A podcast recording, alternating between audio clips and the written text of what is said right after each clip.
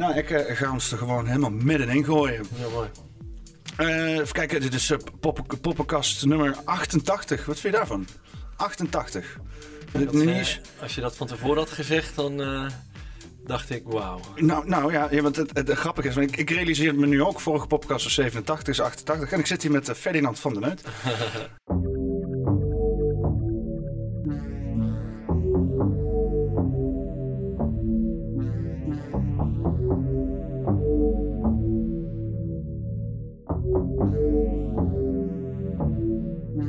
Welkom. Nummer 88. Moet er even bij komen. Nou, ik zal eens even een kleine introductie geven om ook even een beetje dit eh, in te wijden. Want ehm, ehm, ja, we, zitten er, we zijn een beetje, weet je wel. eh, we- we- we- we- we- ehm, ik ben ten eerste heel erg blij dat je er bent. Hè, want het, het was even een beetje puzzelen en zo. Ik, ik had een hele hoop te doen en zo. Helemaal veel verhalen, expositie. Eh, maar jij zei van, ik ben vrijdag ben ik gewoon in Arnhem. Eh, we zeiden, laten we dit gewoon doen. We gaan dit gewoon doen, hoe dan ook. Ja. Dus ik was ook wel laat en zo, maar ik ben uiteindelijk toch blij dat het gewoon allemaal tot stand is gekomen. Dus ik ben eigenlijk heel blij dat je er bent. ja, nou dankjewel. Leuk hier te zijn. Mooi uitzicht. ja, het, is het allemaal, hoe is het hier in Arnhem? Een beetje goede omgeving, want waar moet je helemaal vandaan komen eigenlijk? Eh, nou, ik heb een halve wereldreis eh, door Nederland meegemaakt vandaag. Oh, Ik werd wakker in Appelscha, ah, wat? Waar ligt dat? in Friesland. Oh, Zuid-Friesland op de grens met Drenthe. Ik heb daar gisteravond een lezing gegeven. Nou, ook spannend en leuk. En toen eh, naar elk uitgeverij, daar even op de koffie eh, even bijpraten. In een tijd niet gezien. Bart en Indira Tongelo. Hm. Toen even iets ophalen in band. Toen naar onze vormgever voor ons nieuwe boek. Nou, daar was ik te laat voor. Hm. Dat, ik had al zoveel. eh, eh, toen ben ik bij iemand anders langs gegaan in Otterlo. Toen hierheen. En eh nou zitten we hier. Ja, dat is inderdaad een hele wereldreis. Ja, ik, ik kom uit, eh, kom uit Assen, dus eh, ik was ook enigszins noordelijk vandaag. Ja, ja. Ehm, jij hebt een. eh, ja, het is, want ik, ik heb even lichtelijk een beetje eh, eh, ingekeken. Ik heb inderdaad wat podcasts van je geluisterd. Maar ik ben eigenlijk, eigenlijk nog heel eh, leeg over, over wie je bent, wat je doet. En wat bijvoorbeeld ook dit tijdsboek is. Wat, eh, Ja. waar, waar, waar, waar, waar jullie mee. eh, ja. Wat is het jullie of jij? Ben, ben, het is, Ons, ja, we zijn met een redactie. ja. Weet je, ik heb het aangeslingerd, ik ben het opgestart. Ehm, maar dat boek, weet je, mensen vragen me ook wel eens om het boek te signeren. Ja, dat kan ik niet eens. Weet je, er staat zoveel in wat, wat niet eens door één persoon überhaupt te maken is. Weet je, het eerste artikel heb ik dan geschreven. Dat ging over een visioen wat ik heb gehad in eh, 2020. En de rest van het boek, ja, allemaal verschillende invalshoeken. Een nieuwe wereld omschreven. Hoe we het dan wel kunnen doen. Hè? Klagen over het oude is makkelijk, maar hoe Hmm. dan wel? En dan ontdek je dat er in Nederland zoveel bezieling is en zoveel bewustzijn. Weet je, mensen hebben op zulke verschillende puzzelstukjes zo'n levenswerk van gemaakt. Nou, dat zijn we op een rijtje gaan zetten en daar is dat boek uitgekomen. Met dus een hele redactie hebben we daaraan gewerkt. En als ik daar naar kijk, ja, het heeft mijzelf ook omvergeblazen. Weet je, ik dacht heel veel te weten, heel bewust te zijn.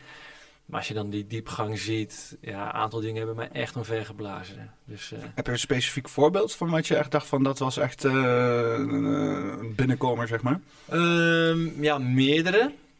Eentje die nu in ieder geval te binnen schiet is dat wij onszelf wijsmaken in onze cultuur dat we kuddedieren zijn. Maar we zijn in wezen stamwezens. En dat lijkt dan onbenullig. Van ja, nou ja, we leven toch gewoon in Arnhem en steden en dingen. Ja. Maar het, het maakt een wereld van verschil. Tot op het niveau met je partner aan toe. Eh, in het stamleven ken jij de stam. Je hebt 150 mensen ongeveer. Dat is de ideale stamgrootte. Het bedrijfsleven komt er nu ook achter. Dat je niet te grote groepen moet maken. Is, is 150 een ideale, is dat een... Ja, daar kan je over bakkeleien. Ik denk in een bedrijf is het kleiner. Want je bent niet alleen maar met je collega's. Je Hm. hebt ook nog een sociaal leven. Maar in principe, het aantal mensen waar je echt goed mee kan verbinden in veiligheid. En dat je elkaar echt nog kan voelen en begrijpen en kennen. Ja, dat zit rond de 150. Sommigen zeggen 200, 250. Maar in ieder geval echt een kleine groep. Weet je, als je dat beseft, dat we daar eh, van weg zijn gegaan. En in, in ja, kuddevorm zijn gaan leven in steden. Ja, raak je een beetje ontworteld. Je raakt ontwricht. Je kent je omgeving niet meer. Je voelt je niet helemaal veilig. Dus je gaat je uh, maskers opzetten of overlevingsgedrag eigen maken. Om je staande te houden, om te functioneren. Maar diep in jouw DNA, in jouw, in jouw ja, eh, hoe zeg je dat, je, je hersenstam, eh, echt waar je, je oorsprong van, vandaan komt. Is de, de, de pijnappelklier toch? Of, eh, Nou, dat is wat anders. Dat is meer voor ehm, eh, ja, zien in andere dimensies. oh. Maar in ieder geval, je weet, je voelt diep van binnen, er klopt iets niet. Mhm. Weet je, je mist nog iets. En dat ga je dan projecteren op van alles. En dat is ook het grappige dus richting, richting relaties. Je, je zit met z'n tweeën in een relatie. En onbewust mis je dingen.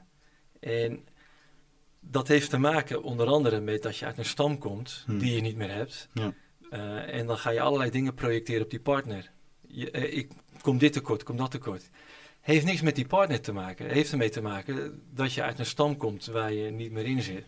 Weet je, dat zijn voor mij wel echt fascinerende dingen. En ik leg het nou heel kort en door de bocht uit. Maar als ik dat dan zo lees, denk ik echt van potverdorie zeg. Hé, wat, een, eh, wat een verre dwaling hebben wij gemaakt als mensen. Nou ja, ik denk dat heel veel mensen eh, met, een heel, ja, met een soort van gat hè, lopen eh, in, hun, in hun leven. Je ziet dat heel, veel, heel vaak dan opgevuld worden door drugsgebruik, drankgebruik, omgaan. Oh, met de pandemie zag ik het heel goed. De drang om iets te moeten doen, weet je wel. Uitgaan naar feestjes, eh, die, die moeten consumeren. Hè? Oh, ik heb al zo lang niet gewinkeld. Wat Ja. boeiend. Heb je iets nodig dan? Nee, maar ik wil gewoon graag winkelen. Dat soort, dat soort gedragingen.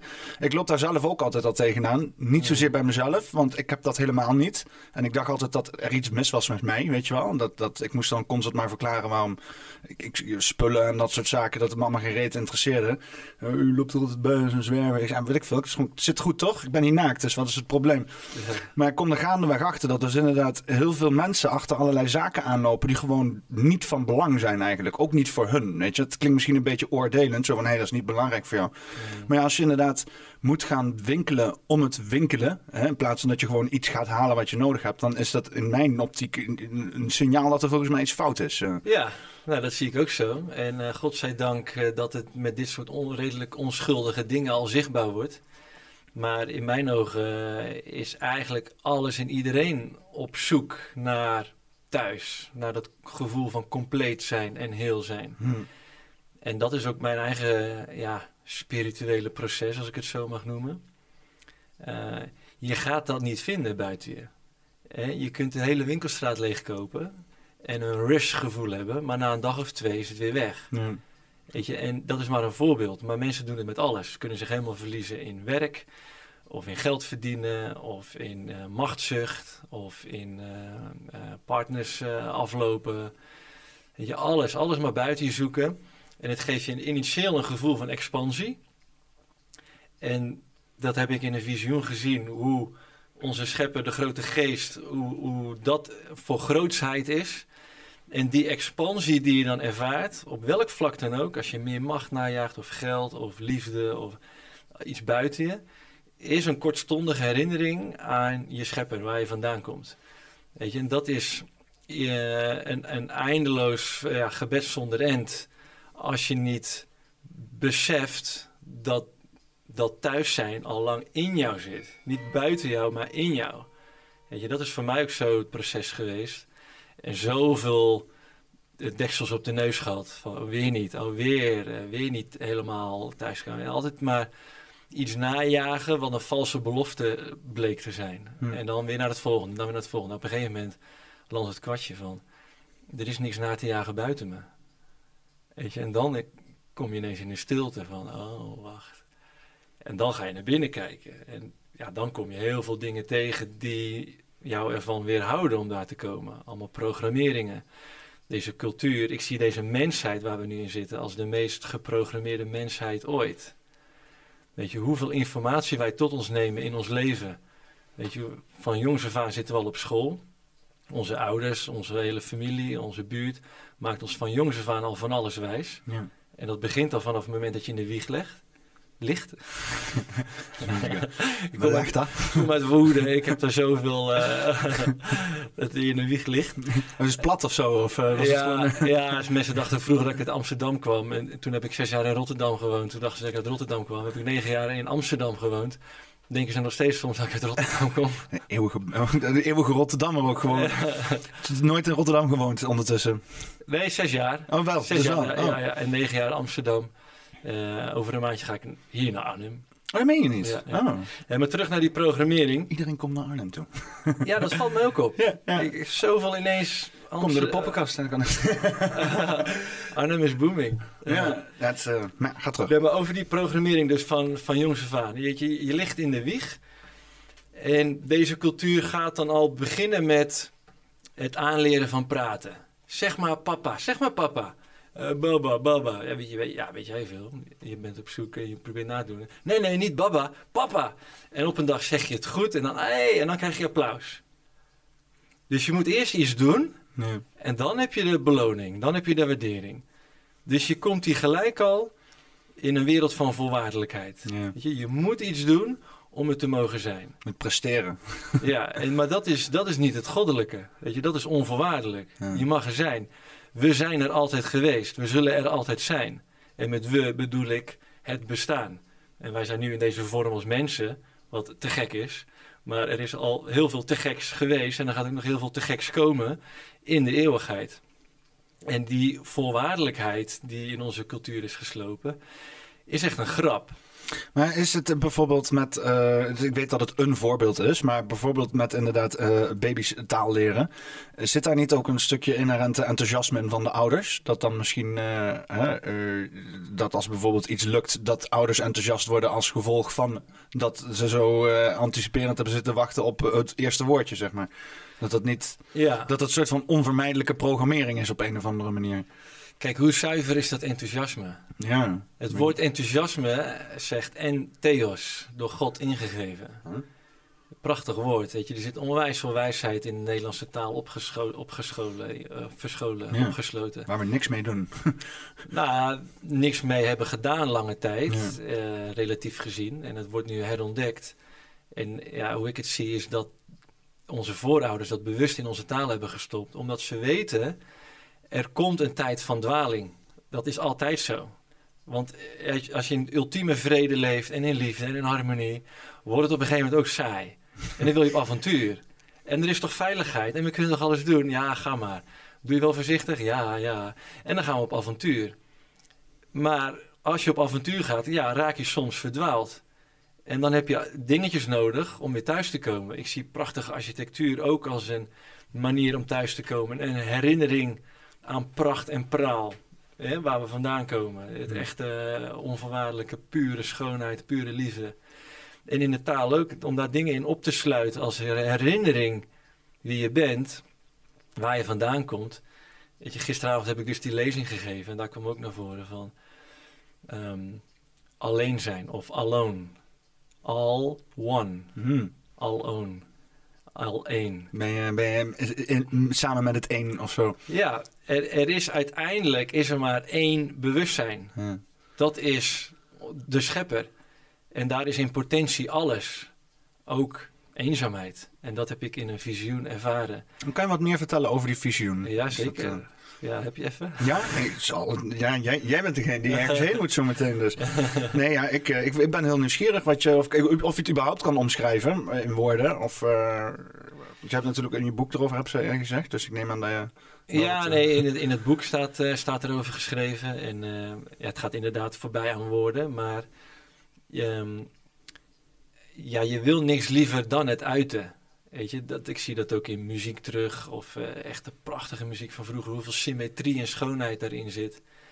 Nee, die architectuur ook waar ik het net over had. eh, het is, eh, er is niks mooiers dan om, om over het mooiste te praten, toch? Ja. Ehm, dus wat ik heb gezien, onder andere, ik heb in dat godsbesef gezeten, hoe raar dat ook mag klinken. En dit is echt mijn verhaal en daar mogen mensen helemaal mee doen wat ze willen. Ik wil echt niemand daarmee voor, voor de schenen stoten of zo, weet je, van oh, daar heb je weer zo iemand. Dit is ook een thema waar superveel spanning op zit, Ja. door de eeuw heen. Weet je, heel veel vervolging, verkettering, terrorisme, oorlog. Ja, mensen maken vaak ook eh, misbruik van eh, bepaalde eh, onverklaarbare zaken of, of, of zaken die inderdaad niet heel tastbaar zijn, om dan vervolgens eh, onder andere intenties iets ermee te doen of, eh, of dergelijke. Ja, ja, op dit thema God zit heel veel misbruik en misleiding. Nou, Weet je, de, de naam God is al misleidend. Je kunt het geen naam geven. De oude Egyptenaren noemden het Atum, comma, bij gebrek aan een betere naam. Weet je, en dat, dat komt omdat zodra je iets een naam geeft, zonder je het af van jezelf. En dan ga je gelijk al de mist mee in. Ja. En dat is de grote paradox van de benaming van God. Je kunt het niet afzonderen van jezelf. Weet je, het, on- het Onze Vader, dat is het wereldwijd beroemde gebed van eh, Jezus Christus, Ja.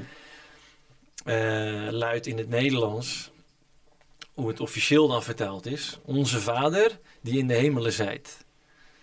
Ja, dat is afgescheiden. Dat is niet hier, dat is daar, Ja, in de hemel. Weet je, eh, we hebben een Nederlander, eh, Bram Moerland, dat is nu eh, een bejaarde man inmiddels. Die heeft meerdere boeken geschreven over dit soort thema's. En die heeft ehm, de originele tekst van het Onze Vader hertaald, hoe hij dat noemt. En dat is uit het Aramees, dat was de taal die Jezus sprak. Oké, ja. En hij heeft het als volgt weten te hertalen als bron van zijn die ik ontmoet in wat mij ontroert.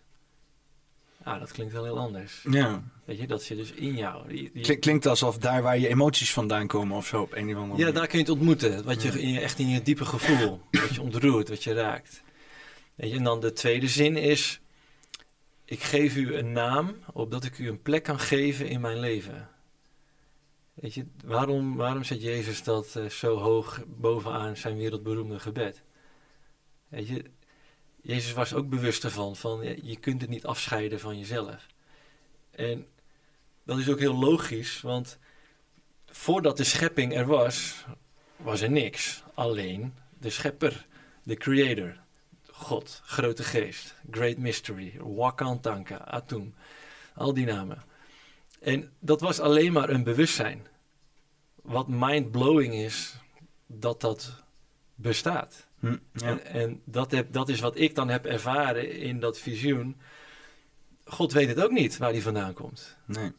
En die verwondering daarover is ultiem. Dat is de drijfkracht achter alles uiteindelijk.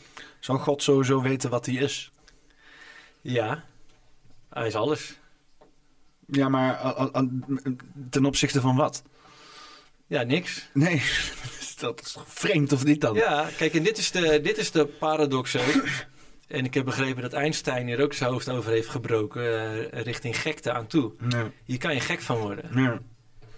Ik ben er zelf ook een keer bijna van flauw gevallen toen ik hierover zat te filosoferen. Stond ik in de keuken en ineens, pff, denk zo, ja, dit is gewoon eh, niet, niet de richting. En dat is de, de keuze die je hebt. Geef je je over aan het leven of ga je het proberen te vatten? Dat is de keuze. Maar proberen te vatten als in dat je het gaat proberen te begrijpen wat we hier aan het Ja. doen zijn en zo. Want is dat de bedoeling dat we dat weten? Of? Nee joh, Maar dan krijg ik ook het idee dat het helemaal niet de bedoeling is. Dat, we dat, we- nee, het leven wil geleefd worden. Het is niet te vatten, het is niet te claimen, het is niet te begrijpen, het is niet in te kaderen. Weet je, het is alles. En ik zeg dit nu, eh, en ik weet dat het zinloos is, want het leven is ook eigenwijs en is op avontuurlijk en op verkenning. En dat gaat natuurlijk zichzelf bevragen. Natuurlijk gaat het ontdekken, proberen waar het in zit, wat het is. Daar is deze hele schepping ook voor bedoeld. Het is ook voor een heleboel andere dingen bedoeld. Maar ook eh, een stukje zelfverkenning, zelfrealisatie, zelf ehm, ja, ontplooiing. ehm. En telkens weer bij de conclusie thuiskomen, het is niet te kraken. Nee. En dat is, het, dat is hoe ik het leven zie. Het leven dwingt je tot overgave. Je kunt je er tegen verzetten. Helemaal prima, moet jij weten. Dat is je vrije wil. Uiteindelijk kom je toch weer thuis in overgave. Er is Ja. niks anders wat overblijft. Ja. Maar eh, dit, dit, eh, dit- want dit is onderdeel van die visie die je hebt gehad, denk ik dan toch? Mhm. Want hoe moet ik me dat voorstellen in de meest praktische zin? Is het, iets, is het een soort van droom geweest of iets wat binnenschoot? Eh, was dat eh, iets wat over een, een reeks aan dagen is gebeurd of zo? Hoe moet ik dat precies eh, voorstellen? Ik had mijn eerste grote visioen begin 2020. Dat was voor mij een groot visioen. Dat eindigde ook met twee klappen op mijn linkerborst. Met de woorden: Dit is jouw waarheid, dit heb je gezien, dit heb je echt meegemaakt. Blijf hierbij, niet vergeten. Zat je, zat je ergens of zo? Of? Toen zat ik. Dus dat was over meerdere uren verspreid. Dat er echt dingen binnenkwamen. En ik dacht toen nog van, oh, rustig maar, ik heb het wel gezien. Ik was helemaal ondersteboven. Want wat ik daarvoor allemaal had gezien was dat er een nieuwe mensheid aankomt. Totaal, nou ja, openstaan in gaves. Die wij nu als paranormaal uh, bestempelen, uh, bovenaards, bovennatuurlijk. Mm. Dat is supernatuurlijk. We zijn er nog eens in belemmerd. Maar dat gaat allemaal openstaan. Waarin, waarna we ons ook gaan beseffen, hé, hey, dit hadden we eigenlijk altijd al. Het was alleen heel erg klein en belemmerd en we geloofden er niet in. En die gaat een hele nieuwe aarde bevolken, een hele nieuwe wereld creëren. Maar om daar te komen, gaat dat oude niet zomaar aan de kant. En dat is zichzelf aan het slopen, omdat het bewustzijn groeit wereldwijd.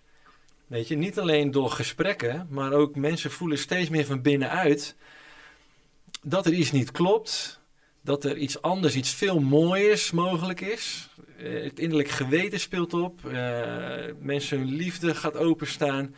En ze voelen gewoon dat er, dat er meer is, dat het leven meer inhoudt dan de eat, work, sleep cycle. Ja. Wat een onzin, tot aan je pensioen. En dan hopen dat je nog een paar jaar kan genieten van een patiënt. Uh... In het bejaardentehuis. Ja, weet je, dat, is, dat is zo platgeslagen. Ja. En, maar weet je, los van dat, dat is gewoon een extreme die uh, work, eat, sleep uh, cycle. Dat is gewoon een heel extreem platgeslagen manier van leven. Ten opzichte van wat er op ons te wachten staat. Dus dat oude, dat gaat steeds meer, die structuren, die machtsstructuren, gaan steeds meer afbrokkelen en imploderen. Omdat mensen intern steeds meer voelen, ja, maar dit is niet de richting die ik op wil. En dat die verkramping, de machtsstructuur, wat wil macht, alles behalve macht uit handen geven. Dus dat, dat, dat gaat niet zonder slag of stoot. Dus dat zag ik ook. Hele heftige strijd. En dat was een van de meest bizarre dingen uit dat visioen. Het is helemaal niet aan ons om mee te doen aan die strijd. Wij, wij hoeven niet te strijden tegen het oude. Hm. Ik kon dat niet bevatten. Daar heb ik bijna een jaar over gedaan om dat echt te integreren en toe te passen. Want ik ben grootgebracht met strijd en films en die daarover gaan. Er is een bad guy en dat moet bestreden worden. En dan uh, happy end, eind goed, al goed. En dat zijn programma's die wij in ons hebben. Ja. Weet je, maar wat ik zag is dat we dus niet moeten gaan strijden, maar een alternatief laten zien. Want dat oude, dat valt steeds meer in duigen. Maar als er geen alternatief zichtbaar is, dan gaat iedere, iedereen die erbij betrokken is toch proberen om het in stand te houden. Want dat is het enige wat er is aan houvast. Ja, eh, ik zie dus nu al. Uh, ik zat uh, uh, uh, Lubach te kijken. Arjen, ik kom even, kwam even niet op zijn voornaam. Arjen Lubach te kijken. En, want ik weet niet, ik, ik hou van mezelf pijnigen af en toe. ja. Dat is flauw humor. Maar uh, nee, ik ben, ik, ben, gewoon heel benieuwd wat er allemaal speelt uh, in het land. En ik wil daar enigszins niet te ver van afzonderen, zeg maar. Want op een of andere manier is de realiteit waar heel veel mensen in leven. Dus om een beetje aansluiting te hebben met de maatschappij. Kijk ik zo nu dan is Lubach. Maar het, het, is altijd wel weer een hele ik denk van oh, wat, zijn we hier met z'n allen aan het doen.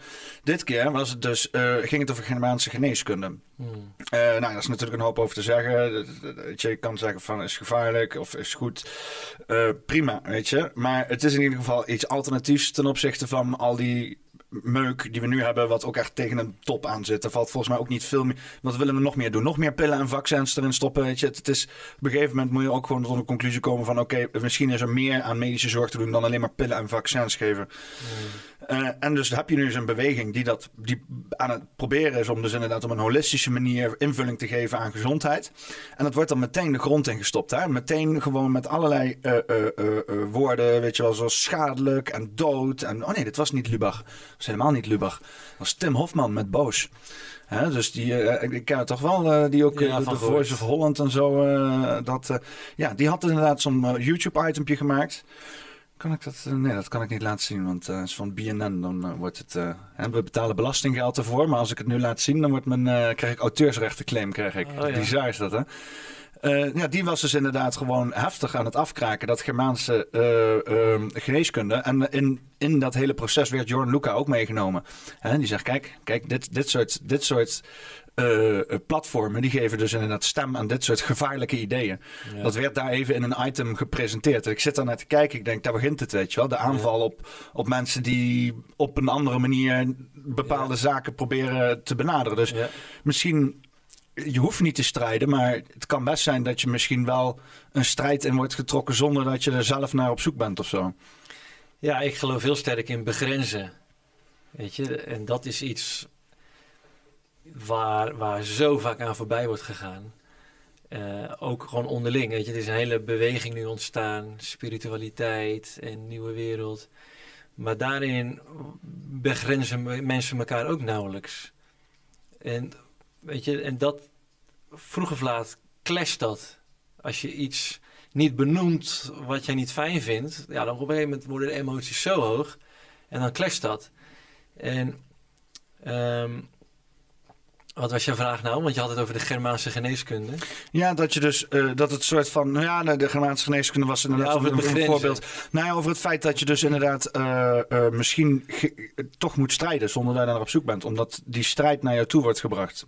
Erger bijvoorbeeld zo'n Tim Hofman, Ja, die dus inderdaad Jordan Luca aanvalt. Die, die heeft helemaal niks ermee te maken, maar die heeft gewoon inderdaad podcast gemaakt met zo'n zo'n zo'n Ja, Germaanse geneeskunde persoon. En die wordt dan inderdaad nu weggezet als iemand die gevaarlijke mensen aan het woord laat. Ja. Ik bedoel, dat hebben we in de afgelopen drie jaar sowieso heel Ja, vaak gezien. Maar Ik ben er weer. Ehm, ja, kijk, je kunt daar wel eens niet eens discussie mee aangaan. Eh, maar je kunt het ook gewoon helemaal laten. ja. Weet je, als jij, ik geloof echt niet meer in, in voorkouwen. Ik geloof wel in voorleven. En als jij iets laat zien wat meer mensen geneest, meer mensen helpt, eh, een fijnere uitstraling heeft, waar mensen zich veel meer thuis bij voelen, zichzelf veel meer in herkennen, eh, dan gaan ze steeds meer ook afvragen van, klopt dat wel, die framing en eh, de, de negativiteit die over iets wordt uitgesproken? En in het moment is dat helemaal niet fijn om over je heen te krijgen. Eh, maar het is een, een ja, noodzakelijk kwaad, zou ik zeggen. Eh, dat komt vanuit een bepaalde hoek. En je weet dat dat komt. Het komt uit een bepaalde controlehoek. We willen de controle houden, we willen de veiligheid houden. Hm. Ja, maar als er nou iets nog veel mooiers is, mag dat ook een kans krijgen. En heel veel mensen die dat zien, die framing, die aanval, hoe meer dat gebeurt, hoe meer mensen zich ook gaan afvragen, klopt dat wel? En er worden steeds meer thema's bijgehaald van, oh, dat klopt niet en dit en dat. Steeds meer kansen voor mensen om te herkennen, hé, hey, maar dat klopt niet. Die aanval is onjuist. Weet je, ik weet ook, bij, in 2020 was er heel veel framing op het aantal ehm, demonstranten wat naar een demonstratie ging bijvoorbeeld. Ja, ja. waren maar een paar, handjevol. Ja, en dan komen daar mensen voor het eerst. Gewoon nette mensen, goede banen. En, en die zien ineens dat hun krant, hun bron van waarheid en, en informatie, zit te liegen over hun. Zij waren daar en zij zien, nee, dit klopt niet. Weet je, en dat is maar één voorbeeld, maar dit gebeurt op zoveel vlakken dat mensen doorzien dat het niet klopt wat ze voorgeschoteld krijgen. En dan kun je boos om worden, of daar kun je dankbaar voor zijn. Ja. Ik vind het geweldig wat er gebeurt. Ja, ik, Los van al het leed, want ik, ik zie echt wel dat dit heel veel schade veroorzaakt. Maar het legt ook bloot in wat voor wereld we leven. ja. En het was niet oké waar we in zaten. Dus Jij, jij zegt zeg maar van laat maar gebeuren en dan ontrafelt het vanzelf nog harder, zeg maar. Ja, hoe meer stampijden wordt gemaakt, hoe meer er geschreeuwd wordt. En, weet je, mensen zijn, zijn gewoon goed. Je kunt niet tegen goede mensen eeuwig blijven zeggen... eh, dat is slecht en die, zijn, eh, die moeten verketterd worden. En, weet je, dat houdt een keer op. Mensen zijn niet gek. Je kunt mensen niet eeuwig eh, voor de gek blijven houden allemaal. Ja. Ja, ik- ik- wat ik wel mooi vind zien, want ik ben op zich niet zo'n eh, fan van groot en, en, en massaal en al dat soort dingen. Maar eh Jorn Luca, die had dan eh, die, eh, die That's the Spirit eh, eh, georganiseerd. Ja. En ehm, in het begin toen ik dat hoorde, zo denk ik ah, moet dat dan weer? En het allemaal weer commercieel, en uitmelken, uitmelken van mensen en zo en bla bla bla. Maar toen op een gegeven moment zag ik dat, want er was ook berichtgeving over op eh, TV Rijnmond of zo, over dat dus inderdaad al die mensen bij elkaar kwamen. Ik denk, het godverdomme wel een statement. zoveel mensen die daarheen gaan naar iets wat dus inderdaad een, een Tim Hofman of een Lubach ziet als gevaarlijk, weet je wel. En daar zit gewoon die hele Ahoy zit gewoon vol met mensen. Waren waren er twee, drie, vierduizend mensen of zo. En als je dat dan zo bij elkaar ziet, dan voel je toch minder alleen vreemd of zo. Nee, toch zoiets van, wacht even, dit is helemaal niet een of andere niche eh, groep aan mensen die, eh, weet je, dit is, dit is, dit is, er zijn heel veel mensen die... Eh, serious business. ja, Dit, En- is, dit is niet één video die viraal is gegaan. Dit is gewoon in de echte wereld komen mensen samen. ja. Ik vind het geweldig dat het gedaan, gedaan is en gebeurd is. En ik weet van alle kritiek op, op Jorren en, en commercieel. En, weet je, maar beeld je nou eens in als al dat soort dingen er niet zouden zijn. Nee, ja, ja. En als dingen er niet zuiver in zijn, komt dat ook vanzelf naar voren. En dat is, ik zie het, de ontwikkeling als een soort fontein. Er bruist van alles. En we gaan een tijdje mee in een bepaalde stroom. Maar dan ontdekken we dat bepaalde dingen niet zuiver zijn. En die vallen af. Er komt weer een nieuwe stroom. En zo gaan we steeds mooier, steeds schoner de toekomst in. En dan een bananenplant.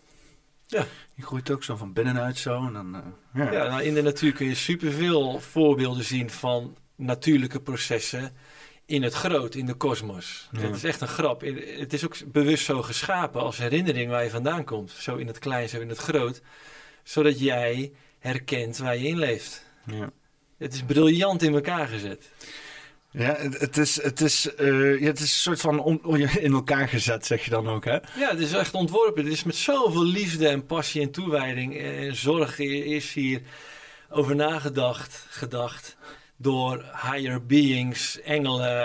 Ja, klinkt misschien gek om te zeggen, maar ehm, er is hier niet voor niks. We zien nou een zonsondergang. Is over nagedacht. Dat is bewust dat wij dat mooi vinden. Dit kopje thee is bewust mooi gemaakt, lekker gemaakt, dat ik ervan kan genieten. Weet je? En dit is, dat zijn allemaal, di- allemaal dingetjes. Het is geen toeval waar we in zitten. Over eh, dingen die gemaakt zijn voor ons gesproken. Ehm, wat weet je van de maan? Eh, dat is een hele grote vraag. Ja, wat weet ik van de maan? Ja, ik weet niet of je dat wel aan mij moet vragen, joh. Nou, ik vind wel. ik, ik kom de laatste tijd kom ik op dingen uit. Met de maan. En ik had het gisteren met eh, eh, Pascal Griffioen ook over, Daf P. Ehm, dat de maan waarschijnlijk hol is. Ja. Er zijn heel veel aanleidingen dat dat ding hol is. En er zijn ook heel veel, en dat is los van dat je erheen gaat en erop kan slaan en zeggen toeng, toeng, toeng. Want dat dat ook is gebeurd, zeg maar. Want ze hebben gemeten dat er heel veel resonantie zit in de, in de maan als er een object op wordt. eh, Mag ik jou in de reden vallen? ja. Waarom wil je dit weten? Eh, eh, ehm, ik, ik ben benieuwd naar hoe jij zeg maar kijkt naar bepaalde, eh, eh, eh, ja, hoe moet ik het zeggen? Ehm, misschien, eh, eh, ja, eh, hoe zeg maar de, de wereld in elkaar zit. Want je hebt een bepaalde wereldvisie. Ja. Eh, ik ben nu de afgelopen tijd heel veel dingen op de proef aan het stellen. En eh, te kijken van wat allemaal. En ik ben het een beetje soort van aan het testen bij jou. Van kijken hoe, hoe ver jij daar ook in mee kan ja, nou, zeg maar. ik, ik, eigenlijk als ik terugkijk ben ik ook heel mijn leven al bezig met in wat voor wereld leef ik. En dat is sinds begin 2020 enorm in een stroomversnelling geraakt. En daar zit ik nu nog steeds in. Wat is mijn realiteit? En het ontvouwt zich... Moet wel in de microfoon bij, blijven Oh, nee, ik hoor je nog prima hoor. eh, er ontvouwt zich steeds meer, steeds meer magie. En, en mijn weg is geweest om continu te bevragen, wat zit erachter? Waar komt dat vandaan? Hè? Er wordt vaak over het kwaad gesproken. Ik zie dat niet meer als het kwaad, ik zie dat als het trauma. Het zijn allemaal wezens vanuit oorspronkelijk beste bedoelingen afgedwaald, ontspoord, getraumatiseerd en dan als een driftig kind maar willen vernietigen. Weet je, dat is mijn pad geweest. En er zijn zoveel theorieën en verhalen ook vanuit het trauma, vanuit een controlerende kant, om ons af te leiden van wie wij werkelijk zijn. Dus als ik verhalen hoor over de vorm van de aarde of de maan of... Holle maantheorie. eh, Daar ging ik heen met dat verhaal. ja, nee, maar weet je, zoveel Je hebt daar helemaal niks mee, eh. Zoveel verhalen. Kijk, ik, ik omarm het om alles te bevragen wat ons ooit is verteld. Dat vind ik mooi. Ik vind het ook heel mooi om de oefening aan te gaan. Hoe communiceren wij met elkaar over tegengestelde ideeën en overtuigingen? Hmm. Stel, jij bent ervan overtuigd dat hij hol is. En ik ga hier zitten zitten. eh, ik ben ervan overtuigd dat hij eh, niet eh, hol is. Hoe gaan wij dan met elkaar communiceren? Dat is gewoon een mooie oefening. Weet je, want als wij naar een nieuwe wereld in harmonie willen gaan, maar wij vechten elkaar al de tent uit over iets, een bal die daar in de lucht hangt. Nou ja, waar ik- gaat ik het dan heen? Ik heb, ik, ik neem, neem vaak wel eens een positie, weet je wel, advocaat van de duivel in. Om dan gewoon een beetje te kijken waar, waar het heen gaat. Maar ik ben nooit overtuigd van iets. eh, wat, dat- wat dat betreft. Mooi. Nou, Dus- ik, ik heb één overtuiging eh, nog over. En dat is de overtuiging dat we alle overtuigingen los mogen laten. Ja, ja, ja. Maar je hebt nooit overtuigingen gehad. Ik, nou wel, wel gehad, ja, sowieso. Eh, vooral allerlei ehm, ja, maatschappelijke constructies die op me neer zijn gezet. Dingen die ik zogenaamd zou moeten vinden of doen vanuit school, vanuit mijn ouders. Dingen die me aan zijn geleerd. Punctualiteit en dat soort zaken. Ja. Ehm, maar ook gewoon eh, bijvoorbeeld eh, het atheïsme voor, eh, weet je, daarvoor, ik, ik vind, ik vind dat zo'n raar woord. Maar gewoon het, het, het af. het, het gewoon niet accepteren van het- je spirituele kant. Dat is mij nooit geleerd. Ik ben nooit in die omgeving geweest. Ehm, en ik, ik, ik, ik ben ook nooit. Ik, ben dus, ik, ik heb dus eigenlijk ook altijd alles verworpen wat met spiritualiteit te maken heeft. Ik denk van ja, dat is onzin, zeg maar. Ik ben overtuigd van dat dat onzin is. En daar heb ik mezelf wel echt van los moeten peuteren. Dat ik echt een paar keer gewoon dacht van... God, nou, nu, dit, dit, het, is, het leven is nou eenmaal gewoon spiritueel. En daar moet ik gewoon op een of andere manier een invulling aan geven. Ik vind het prachtig wat je, wat je zegt. Dat jij al van nature eigenlijk een soort mens bent die niet zo snel in overtuigingen schiet. Maar op dat thema had je wel een blokkerende overtuiging. Ja, Weet je, en dan kan je ook zien waar de programma's actief zijn. En dat is ook wat ik voel bij allerlei theorieën over vormen van hemellichamen. Who gives a fuck? Nu. En weet je, daarom vraag ik ook van, ja, waarom vind je het interessant? En als er andere continenten zijn om te ontdekken, vind ik het ook interessant. Ik vind alles interessant. Het, het is, het is zeg maar dat... eh, want jij praatte net over dat het gecreëerd is voor ons. Dat het, dat het, weet je wel, dat het, die zon is er... eh, dat, dat doet iets met je, dat is nut. Dat is Nou, zeg maar ja, zo ja, ontworpen. Niet, per se voor ons, maar voor elkaar. Voor, het, voor het geheel. het is ontworpen op een of andere manier. ja. Ehm, da- daarom ging ik ook inderdaad naar die maan toe. Eh, want ik, ik heb nog altijd een beetje. dat is misschien ook nog wel een overtuiging die ik heb. Is dat dit een hele lange reeks aan gebeurtenissen is. waar wij vrij insignificant in zijn. Eh, en ik voel mezelf daar steeds meer van loskomen. En bijvoorbeeld zo'n holle maantheorie, die helpt mij daarbij. om ehm, te realiseren dat dit allemaal toch magischer is dan dat we denken. Eh, bijvoorbeeld als je dus, even nog even om lekker toch die theorie er doorheen te drukken. Eh, de maan eh, eh, ehm, is zes keer zo klein als de aarde. En staat precies zes keer zo, groot, weg, zes keer zo ver weg van de zon of iets dergelijks. Er waren in ieder geval bepaalde verhoudingen. Waardoor je dus precies een, een, een, zons, een zonsverduistering krijgt. Anders Ja, had je- een... De maan is 400 keer kleiner dan de zon Oh ja, en staat 400 keer dichterbij. Ja, dat was en daarom zijn ze fijn. precies even groot. dank je. Ik ben blij dat jij wel goed in eh, getallen bent.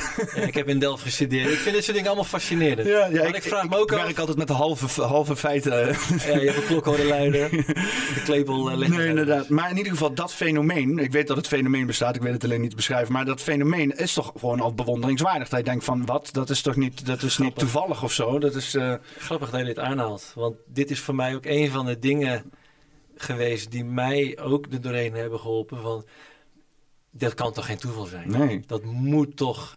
Of dat ding is er neergezet, of wij zijn hier neergezet. Eén van die twee. Ja. Maar dat we dan hier toevallig ontstaan. En toevallig is die situatie zo, wat alles bepalend is in ons leven. Ik Ja. vind dat dat is te veel toeval. Ja, dat klopt. En dat was voor mij ook een van de ja, voorbeelden die ik graag aanhaalde in discussies in de kroeg eh, vroeger. Want dat kan toch niet? Er moet toch iets achter zitten?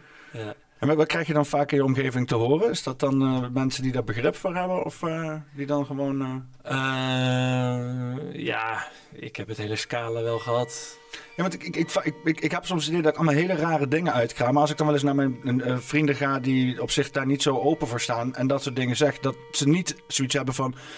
Je bent gek, maar meer hooguit van ja, daar weet ik dan niet zoveel vanaf of zo. Maar ieder- iedereen, ik merk best wel dat er een, een, een openheid is om over van alles en nog wat te praten. Mhm. Stom is dat het niet gebeurt nergens. In ieder geval niet, op, eh, niet in, in het publieke gesprek op een of andere manier. Ja, Twitter Ja. misschien, maar... Kijk, het is ook als je wil overtuigen of zo over eh, wat er gebeurt, is het vaak lastig. Er zit een verkramping op. En dat is wat ik in 2020 heb ervaren. Ik had heel veel meningen en overtuigingen over wat er allemaal misging. En eh, ja, daar maak je niet iedereen blij mee. Nee. Want ja, heel veel mensen hebben heel veel andere meningen. Weet je, en toen aan het eind van dat jaar ben ik me gaan beseffen, strijd heeft geen zin. Echt nul. En het lijkt wel enigszins zin te hebben, wat verslavend kan zijn, waar je dan in door kan gaan.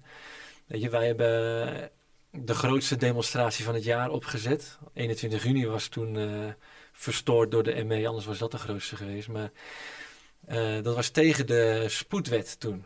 Mhm. En wij hebben echt wel voor elkaar gekregen, dat hebben Kamerleden ook bevestigd, dat die spoedwet is aangepast doordat er zoveel demonstranten op de been waren. Nou, dat is kicken. Weet je, maar je kunt het niet bestrijden alsnog. Want het is als een soort kung fu master. Het beweegt mee en het komt via de achterkant gewoon weer terug. Weet je, nu zijn ze bezig met dezelfde, nog ergere dingen in de permanente wet vast te leggen, niet een tijdelijke wet. En dan denk ik, ja, ga ik nou weer heel mijn leven voor opofferen, al mijn tijd en energie erin steken? Het heeft geen zin. Het is een eeuwige strijd anders. En dat, dat was dus aan het eind van dat jaar ben ik daarmee gestopt. Ook de discussies. Ik ging geen linkjes meer sturen naar mensen. Uh, er is nog één thema waar ik inhoudelijk wel uh, over spreek. En dat is georganiseerd misbruik. Hm. Omdat ik daarbij ook merk, om heel veel redenen doe ik dit. Uh, ik vind het ook een enorme spirituele oefening om te ervaren wat het allemaal met je doet. Heel heftig. En dan stap voor stap dat te doorvoelen. Maar het is ook iets waarmee je ieder normaal mens mee zou moeten kunnen bereiken. In uh, de zin van, hé, hey, dat klopt niet. Nee. Dat is niet oké. En de mensen die dat niet hebben, kun je ook gewoon gerust even parkeren. Weet je, dat is dan ook oké. Okay. Um, dus ik ben gestopt met het discussiëren en in 2021 zijn we aan het tijdboek Lumens uh, begonnen. En dat ging over een laag dieper. Wat willen we nou als mensen? Wat willen we nou echt? dus dat alternatief laten zien voor het oude. En daarin klagen we helemaal niet eens over het oude. Weet je, we benoemen wel wat niet dient. Wat gewoon feitelijk is, maar zonder slachtofferschap of zonder verwijten. Nou, heel droog, kort en krachtig. Niet te veel woorden aan vuil maken en het nieuwe laten zien. Hmm.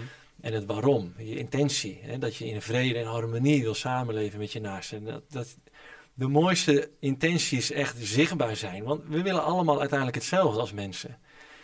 Dit jaar zijn we een podcast begonnen. Uh, in, in het verlengde van, uh, van het boek. En ik merk nu dat mensen van vroeger, uh, familieleden, schoonfamilieleden van, van mijn broers, allerlei mensen volgen de podcast ineens. Waar ik twee jaar geleden nog helemaal mee in de cleans lag en ze wilde niks meer van me weten. Ik ben ook geblokkeerd soms. En, uh, weet je, en die volgen naar de podcast en die sturen me de mooiste berichtjes. En dan denk ik echt van wow. Weet je, dat doet me zo goed dat ik weer contact heb met dierbaren. Ja. En niet dat ik al mijn dierbaren kwijt was, maar en er waren gewoon hele, ik heb het hele scala meegemaakt. Ik heb ook meegemaakt van twee zakenrelaties die heel oprecht tegen me zeiden dat ik naar de huisarts moest om me na te laten kijken. En ja, daar vind ik heel veel van. Ik vind het super lief. Het raakt me. Um, maar na laten moeten kijken, omdat de dingen die je zei. Ik had dat visioen had ik uitgeschreven oh, en op Facebook gezet. Ja, ja, oké. Weet je, in een rauwe, rauwe versie. Uh, uh, maar ja, niet iedereen kan dat ontvangen. Ja, maar er is ook zo'n uh, gezegde, ik weet het niet. en dat is. Um, dat wat mensen niet kunnen begrijpen, zullen ze ook nooit begrijpen, zeg maar. Dus, of, of, wat is het nou? Ja. mensen die... Ik weet niet, volgens mij was het ook iets met mm. genie. Niet dat ik, uh, weet je wel, allerlei uh, mensen op een voetstuk wijs, maar iets van... het gaat zoiets van... genieën ehm, als ze niet begrepen worden, worden altijd weggezet als gek, zeg maar. Ja. Dus, dus dan heb je bijvoorbeeld iemand die uh, meer kennis heeft verzameld dan desbetreffende persoon die dat gaat oordelen. Desbetreffende persoon die dat gaat oordelen, die heeft die kennis niet. Dus datgene wat die persoon uh, uh, die de veel kennis heeft uitkraamt, dat is totale abracadabra hocus pocus voor die andere persoon. En die zegt, ja, ik weet niet, maar je bent gewoon knettergek. Ja. Dat, dat is een mechanisme dat je heel veel ziet. Hetzelfde mechanisme wat je hebt als mensen die niet heel veel kennis hebben verzameld of informatie of whatever, denken alles te weten. Omdat ze letterlijk niet doorhebben hoeveel informatie er nog is om te gaan weten. Zoals je ook ziet dat heel veel mensen die heel veel informatie verzamelen weten van, oh, ik weet helemaal niks, want er is nog zoveel informatie. Dat is volgens mij, ja, dat als je die informatie nog niet hebt, uh, uh, dan klinkt het altijd gek op een of andere manier. En, en je kan dat ook niet forceren of zo. Hè? Want die informatie moet vaak ook, als je dat in- wil internaliseren, dan heeft dat dus een heel proces van, van, van emoties en, en, en kleine brokjes aan dingetjes die binnen moeten komen en zo. Ja, nou, dat was ook mijn, mijn realisatie. Je kunt het niet forceren. En waar ik nu zit is, je moet het niet eens willen forceren. Ja, maar daar is zo'n podcast wel fijn, want je doet iets eruit en mensen kunnen dat in eigen tempo Ja, kunnen dat gaan. kijk, de toon waarmee je praat in een, in een podcast kan ook heel dwingend zijn naar mensen toe. Ja, maar dan kan je het uitzetten, zeg maar. Ja, kijk, en dan ben je de verbinding kwijt. Weet je, en je wil wel de verbinding houden met elkaar. Ja. Ehm, kijk, wat ik bedoel met, eh, met je moet het niet eens willen forceren, is ook omdat iedere ziel zijn eigen, zijn of haar eigen proces daarin nodig heeft. Daarvoor zijn we hier, om ervaring op te doen, om onze ziel te groeien. We zijn hier echt in een soort groei- en rijpingsproces. Rijpingsproces, ja, dat vind ik wel mooi. Hè? Ja, weet je, en dat kunnen we onwijs verstoren bij elkaar vanuit de beste bedoelingen. Word wakker, eh, kijk hier naar en doe dat. eh. Weet je, maar we hebben zelf die stappen nodig om dat fundament te leggen om in, in een nieuw bewustzijn te gaan staan. Als dat fundament er niet is, kun je nooit iets hoogs, iets hoogs in groeien en in, in, in opbouwen. Dan gaat het wankelen. Dan komt het op een dag weer terug van, ah ja, ik heb een stukje groei niet zelf doorgemaakt.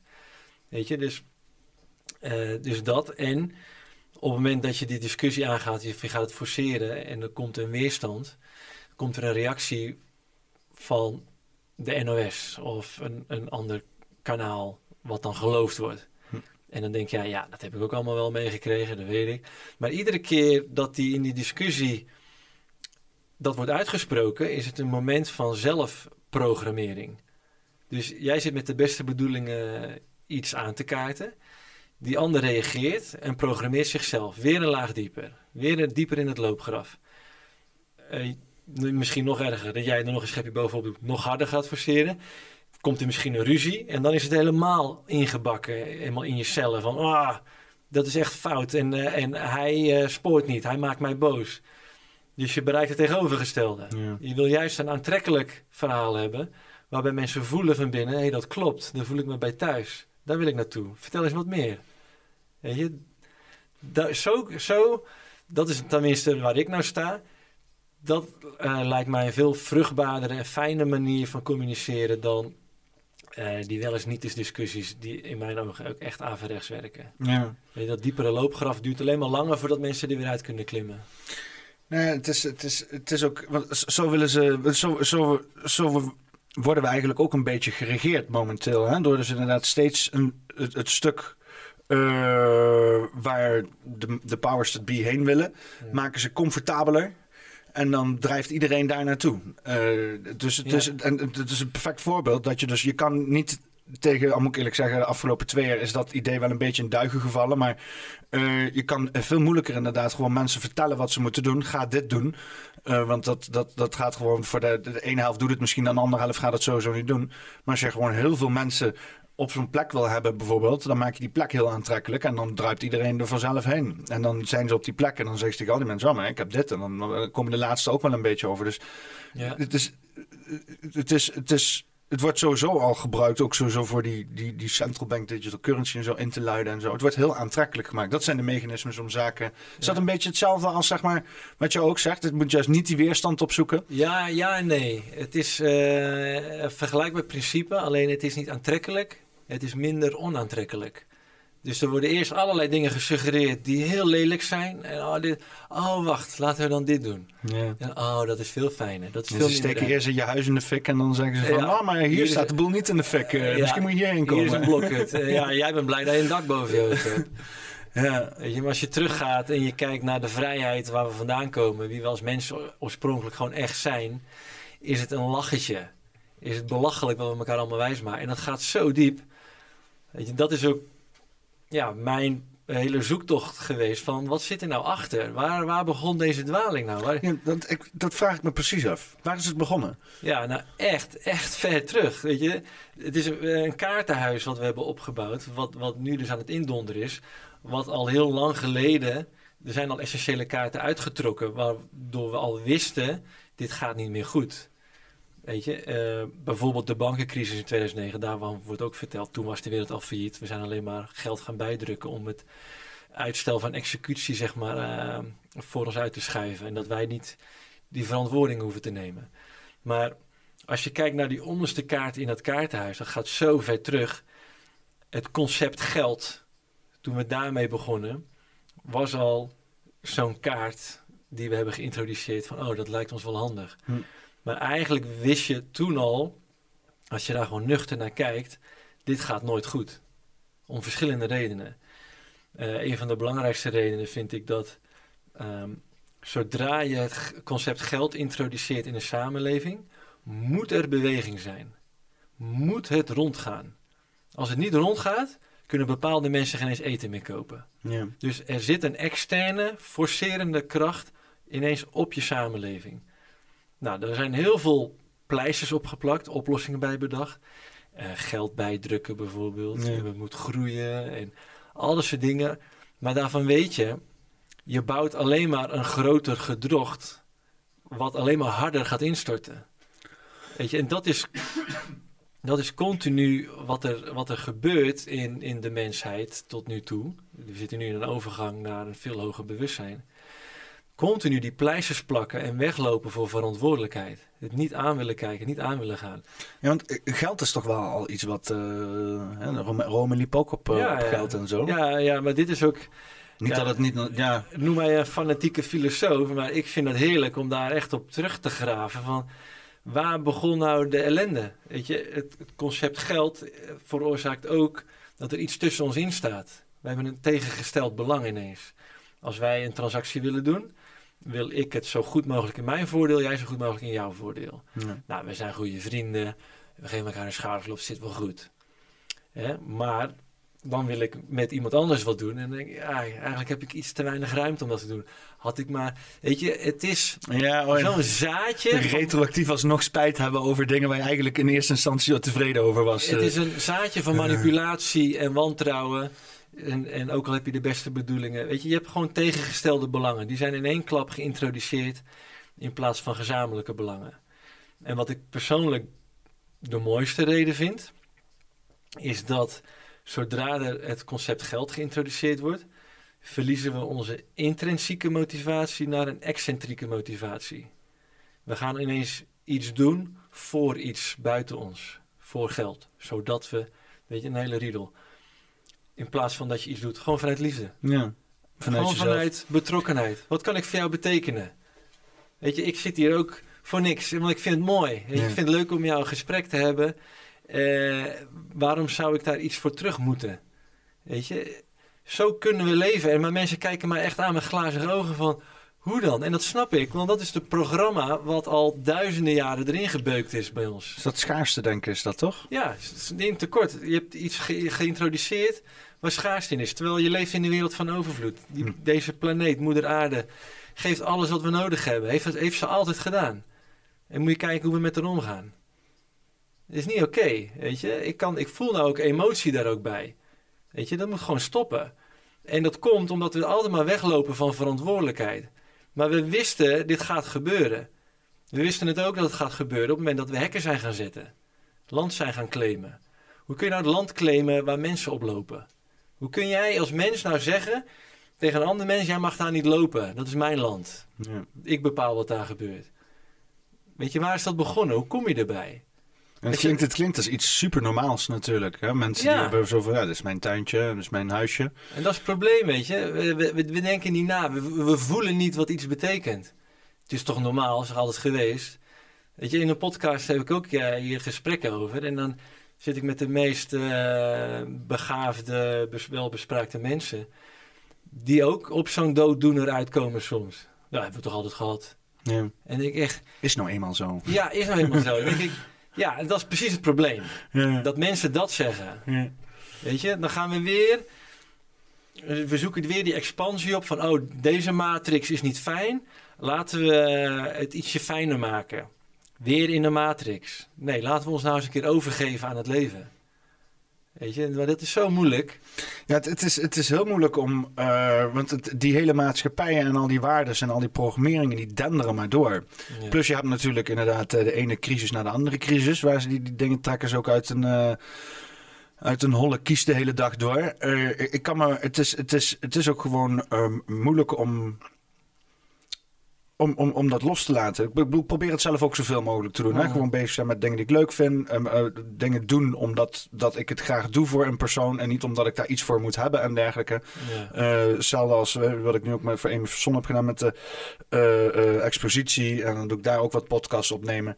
We hebben uiteindelijk wat ruilhandel gedaan. Weet je, want ik heb wat meerdere dingen voor haar gedaan. En ze zei van, oh, wil je daar geld voor? En zo. Ik zei, nou, dat, dat hoeft geen geld. Maar op een gegeven moment zei ze van, ik ga een nieuw kastje halen. Hè. En zei ze van, daar ben ik goed in. Doe ik op Marktplaats.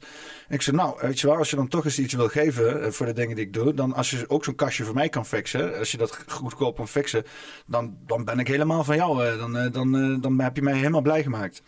Ja, zodoende heb ik dus een nieuw kastje gekregen. Dus ik, ik heb er enigszins een beetje om gevraagd. Omdat ik dacht van... van om- omdat ik dacht van, want ik, als, ik dat, als ik dit moet gaan zoeken op marktplaats, ik ben er heel slecht, ben heel slecht in inkopen en zo. En ik irriteer me aan allerlei dingen. Mm. Ik denk, hey, dit is wel iets waar jij me mee kan helpen. Is dat dan, is dat dan, vraag ik zit er nog wel eens over na te denken van, is dat dan slecht of juist goed? Want ik heb ook graag als mensen bijvoorbeeld tegen mij zouden zeggen van, hey, hier is waar jij mij goed mee kan helpen. Maar ik, toch heb ik dan zoiets van, dan, dan, dan vraag je er toch iets voor op een of andere manier. Ja, ja, dat is die wederkerigheid. Weet je, en je vraagt of het goed of slecht is, maar... Maar eh, is, is, het dan, is het dan nog steeds, doe ik het dan nog steeds uit onbaatzucht? Zeg maar. Als ik, als, doe ik nog steeds dingen voor haar uit onbaatzucht als ik dan vervolgens ook dit ervoor heb gekregen? ja, misschien heb ik je verhaal niet goed begrepen. Sorry, het was een lang verhaal. Ja. We zijn ook moe met z'n tweeën. Lange reis gehad. En... Nee, maar kijk, het, het, het probleem... Nee, ik, ik, ik, ik heb zeg maar... eh, eh, eh, ja, ik, ik weet niet. Ja, zeg maar. Kijk, het, het, het, het probleem met die wederkerigheid en die voorwaardelijkheid is, is dat je zo gaat verdwalen in dit soort vraagstukken van is het goed of is het fout. Het, het, het, het is een puzzel die je gewoon niet op gaat lossen. Het is nooit eerlijk. Want eh, er zijn ook initiatieven die hebben een nieuwe munt bedacht. ehm, waarin een munt gelijk staat aan één uur arbeid. En jouw uur arbeid is net zoveel waard als mijn uur arbeid. Ja. Wat een onzin. Dat is ook niet eerlijk. Want ik heb misschien wel tien jaar moeten investeren om dit kunstwerkje te kunnen doen. Studie moeten doen of eh, een ambacht. 10.000 uur erin steken. En, dan is jouw eh, uurtje onkruidwieden moet dan hetzelfde zijn. Of misschien is jouw uurtje onkruidwieden wel een van je laatste uren van je leven. Ben jij hoogbejaard en heb jij nog maar weinig tijd te besteden met je familie. En dan moet jij ineens onkruid gaan wieden. Nou, dit, dit, ga- hier ga je niet uitkomen. Ja. Hier kun je je hoofd eindeloos over blijven breken. Voorwaardelijkheid klopt niet. Ja, want dat is wel een beetje hoe dat ze dus hebben dat allemaal exact willen vastleggen. Hè? Al die wat, hoeveel waard is en dit en dat. En, Het is allemaal in beweging. Het is altijd in beweging. ja. Dus je krijgt altijd weer discussie.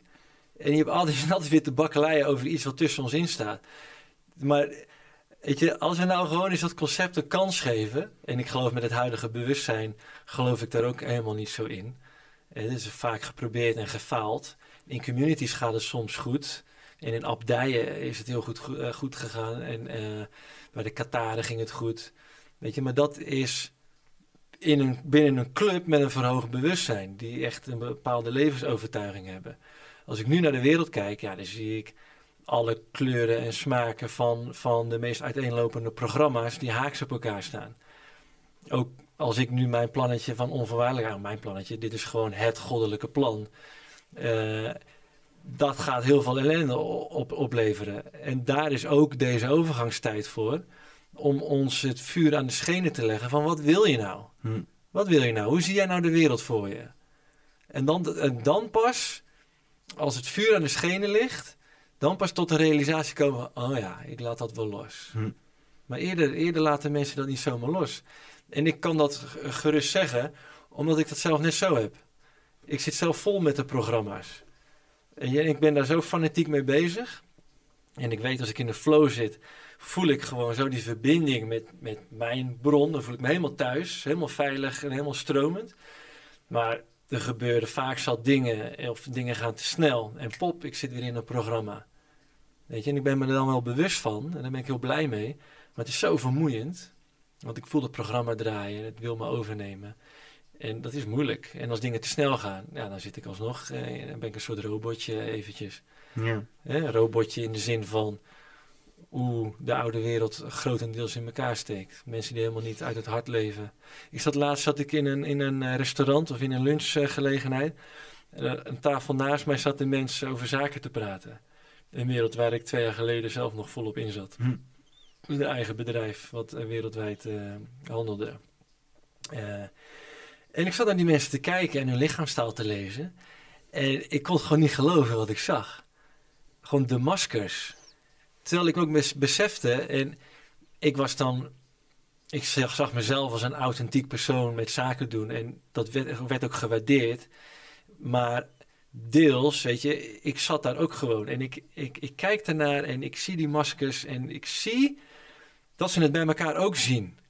Maar ze accepteren het. Ze weten het. Ze weten het, maar... Maar dat is het ook weer. eh, eh, eh, wij weten dat zij liegen, zij weten dat wij liegen. Wij weten dat zij weten dat wij liegen. En hun weten dat wij weten dat zij weten dat wij liegen. Ja. dat, hun dat hun liegen, weet je. Maar wat moeten Dus- we anders? Maar iedereen doet gewoon mee. Ja, er is geen alternatief. Wat dan? We moeten toch ons geld verdienen. Ik moet toch de rekeningen betalen. En het, het grote probleem is, het werkt ook binnen de kaders die ze wensen. Ja, als het genormaliseerd is. Ja, ik kijk ook wel eens naar bijvoorbeeld China. Dat ik denk van hoe kunnen mensen zo in godsnaam leven? Hè, de- vooral in die steden daar met, met die eh, super technologische controle gebeuren en zo. En mensen die, die, die, die, die strekken massaal allemaal naar de stad toe. En die, die vinden dat allemaal geweldig. Oh jee, je wordt publiekelijk geshamed als je, als je door rood loopt, weet je wel. Ja. Maar dat, dat blijft gewoon maar doorgaan. Mensen vinden dat dan normaal of zo op een of andere manier. Terwijl het een ontwikkeling is zoals de afgelopen tien jaar. ja, ik zie dat eh, het, het probleem daar is dat er geen alternatief zichtbaar is. Ja. Weet je, waarom denk je dat er zo extreem veel censuur is in China? Waarom ze hun eigen Google hebben ontwikkeld, hun eigen WhatsApp, hun eigen betaalplatformen. Weet Je eigen TikTok. Ja, eigen TikTok. Ze willen die verbinding niet hebben met de buitenwereld, omdat anders een alternatieve manier van leven veel te zichtbaar wordt. Dan worden mensen knettergek. Dan zien ze ineens in wat voor vissenkom ze zitten. Ja, maar dat wil ik niet. Maar als jij niet weet dat je überhaupt in de vissenkom zit en het is normaal, je bent hierin geboren en iedereen doet het, het zal wel. Ja, weet je, mensen, mensen zijn heel sterk. Ze kunnen heel veel handelen en heel veel verduren. En alsnog, ja, iets van liefde en geluk ervaren in hun leven. Al is maar in het kleinste dingetje. Weet je, al weet je dat je volgend jaar een week op vakantie gaat, kun jij je zo aan vasthouden en aan optrekken. Als je maar iets in het vrij iets van hoop. Weet je, dat is de, de psychologie eh erachter. Ik, had dat, ik had dat tijdens mijn, eh, tijdens mijn, eh, met mijn studie. En zeg maar, het feit dat je aan het studeren bent en werkt naar het einde van de studie, dat was, dat was heel fijn. Hè? Dan heb je een doel. Ja. En nadat die studie klaar was, viel ik echt inderdaad in een gat. Dat ik echt dacht van ja, maar wat nu? Moet dan maar gewoon gaan werken of zo? Ja. Dat was wel even, dat was wel echt een realisatiemomentje. Dat je echt dacht van ja, je moet inderdaad echt iets hebben in de toekomst om naartoe te werken. En ik vond het ook heel fijn toen ik deze podcast begon, dat ik ook inderdaad kon zeggen van oh, dit is wat ik wil bereiken over zo lang. Dat geeft mij echt een stuk rust om daar, om daar aan te kunnen werken. ja, ja, ja. Ja. Eh, wat zou ik nou zeggen? Schoot niets te binnen toen je dat zei. Eh, je had het over jouw werkje ging. Eh, eh, Oh ja, dat was wat ik wou zeggen. Dat was ook een ding wat in mij in het boek zo dus ook omver had geblazen. Is dat het is helemaal niet normaal dat wij in loondienst zijn bij anderen. ja. Wat normaal is voor de mensen, het woord normaal vind ik sowieso niet normaal. Het is bizar waar we in leven, waar je ook in leeft. Het is een groot wonder. Het is helemaal niet normaal. Nee. Dat is echt een abnormaal woord, dat woord normaal. Ja, ja het slaat, doe normaal betekent eigenlijk ook gewoon doe, zo, doe zoals de rest. Ja, nee, maar kijk, sinds de industriële revolutie was er behoefte aan lopende bandwerk. En Ja. toen zijn ja, mensen die fabrieken ingetrokken. Maar daarvoor waren mensen zo vrij. Ze waren, nou ben ik die getallen even kwijt, maar een fractie van wat we nu moeten werken, eh werkten de mensen toen. En vooral de mannen.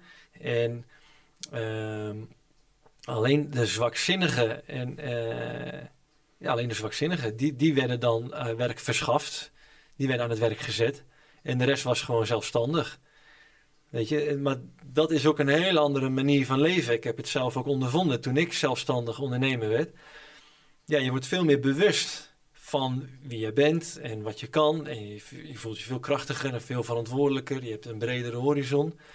Je, er gaan heel veel dingen openstaan die daarvoor dicht stonden. En ik wil dat helemaal niet vergelijken met het een is beter dan het ander.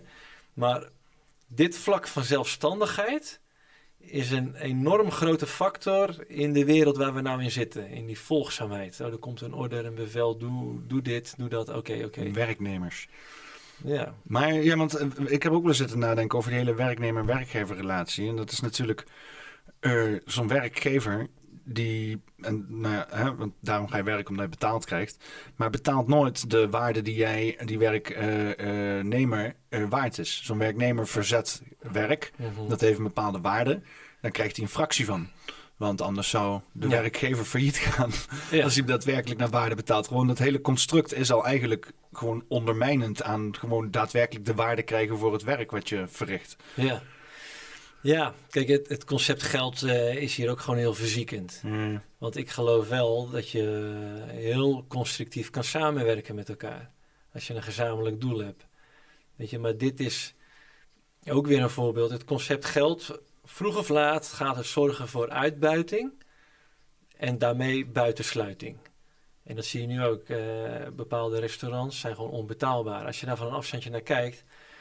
Arme mensen worden daar gewoon van buiten gesloten. Dan kun je wel zeggen, nee, ze mogen wel naar binnen. Ah, maar- ja, maar ze hebben het geld niet. En eerste klas, tweede klas reizen, vliegen. Weet je, we leven gewoon in een klassenwereld vanwege het geld. I- i- Iemand, iemand vertelde mij vandaag, eh, die was op een cruise ship geweest. Ja. En eh hele bovenste dek, de 16e verdieping, dat was exclusief voor de rijkere gasten. ja, ja, ja. op een cruise ship. Kijk, op een stel, cruise ship word je alsnog eh gekla eh, klasse, hoe noem je dat? Eh, ge- geklassist? Ja. Nee, maar stel, stel op, de, op die holle maan van jou, er zitten wat aliens te kijken naar de aarde en, en die zien dat. Die denken, tegen, wat, wat doet die mensheid zichzelf aan? Waarom maken ze zo'n onderscheid daartussen? Wat is dat voor iets raars? Oh, oh, wacht, ze hebben iets als geld bedacht. Ja.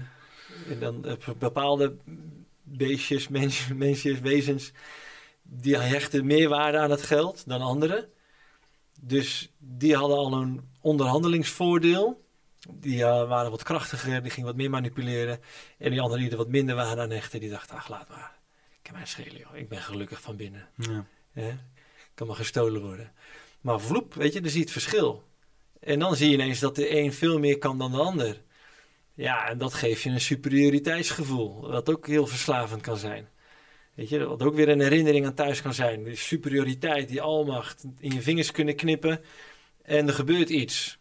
Dus een herinnering aan thuis waar we vandaan komen. Ja. En dat uit zich hier in aarde op eh, verwrongen manieren. Alles uit zich hier op een verwrongen manier. Ook een zucht naar meer macht. Weet je, met geld iets direct voor elkaar kunnen krijgen. Of kunnen bestellen op internet. Geeft ja, eventjes dat gevoel van, van thuis van wow. Ik kan iets direct voor elkaar krijgen. Ja. Dat is mooi. En dat, dat, er zit een soort eh, ja, verslaving in. Ja. Hoe sta jij eh, tegenover eh, manifesteren? Manifesteren. Als in ehm, dat wat je in je hoofd kan bedenken, realiseren. Eigenlijk alleen door het te denken en uit te spreken.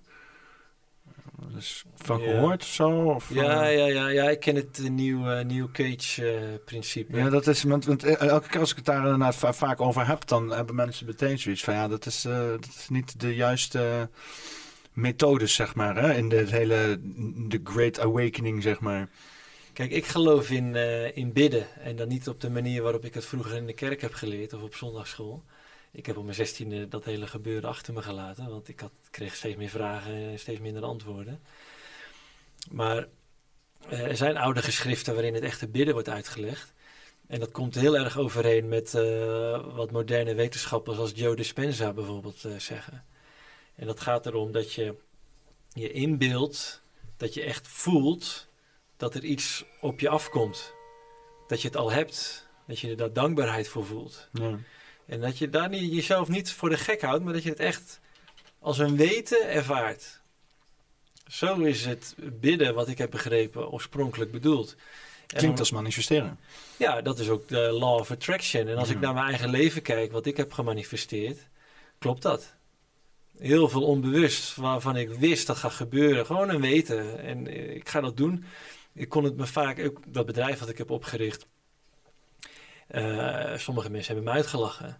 Ik wist gewoon, dit ga ik doen. Dit, dit, dit- ik had geen En ik had ook niet het idee, oh, dit gaat heel groot worden. Of hier ga ik rijk mee worden of zo.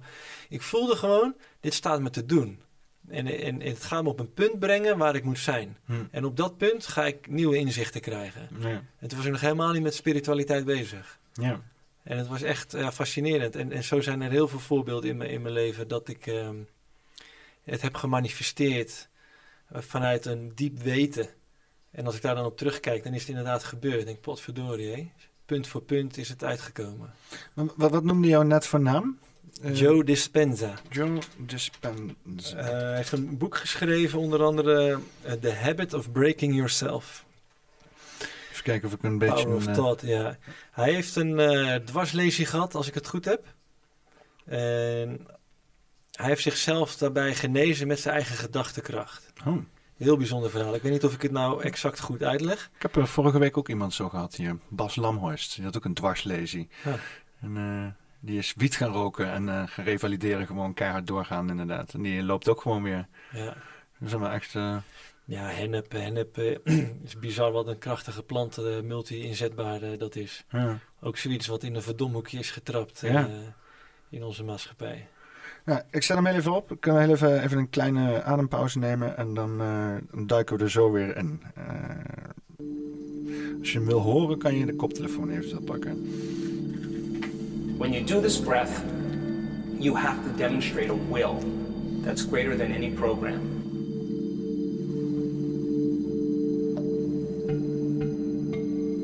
You have to find a level of intensity or a level of passion that's greater than the body as the mind or any addiction to any emotion.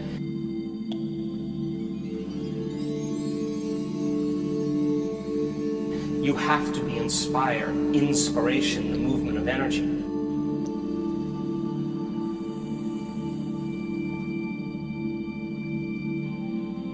It's important for you to keep practicing. People, they do it once or twice and they say, nothing happened, I'm going to give up. But my question is, How long have you been thinking and feeling in these loops, and what is it going to take to begin to disturb that energy so you begin to shake it loose?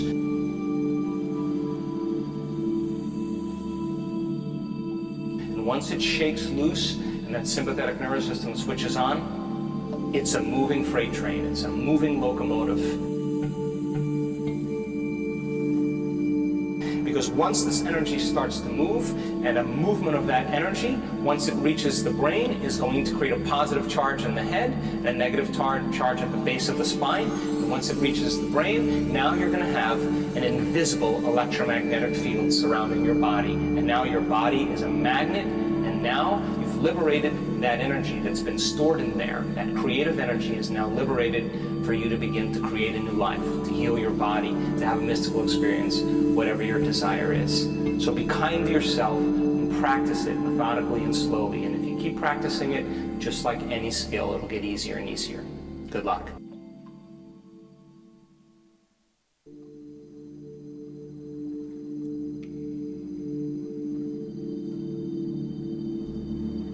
So as you sit up straight and open up this channel to the brain,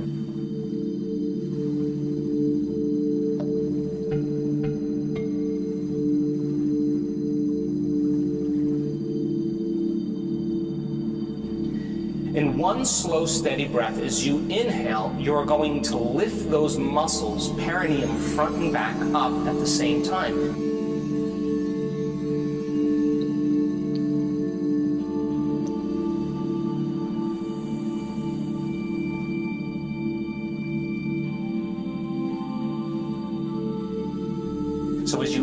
Now, you're pulling that energy and contracting these muscles, and you're locking that first center down, and you're squeezing, and you're milking this energy out of there.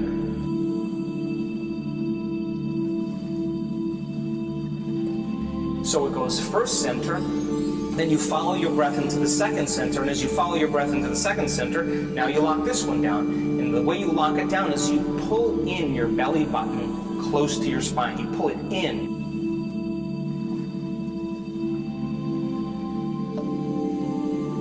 Then inhale, first center, then you pull in the second center. You're still hold, following your breath slowly and steadily. And then you pull it up into your upper abdomen and you're locking down the center here. Now you're squeezing all three of these lower centers. And when you squeeze these muscles, you begin to push that cerebral spinal fluid up. You follow your breath up into your chest, shoulders down. You follow it through your throat, straighten your spine. You follow it all the way up to the top of your head.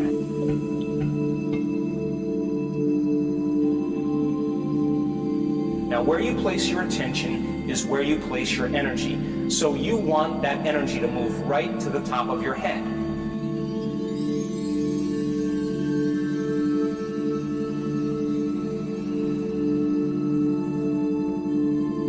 So then as you inhale, you bring that energy all the way up to the top. You keep following your breath. You lock all the way to the top. When you get to the top, now you hold your breath.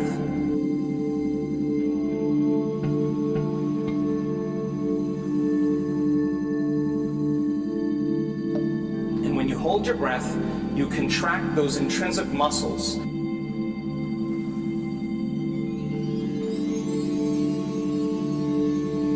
begin to lift those muscles up and you begin to compress those muscles and you begin to push that cerebral spinal fluid up into your brain.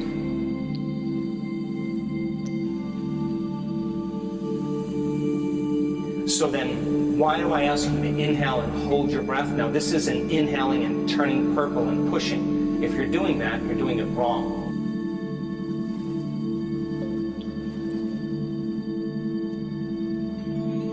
It's a slow, steady breath, and you follow that breath all the way to the top, either to the top of your head, or you put your awareness on where that pineal gland is between the back of your throat and the back of your head.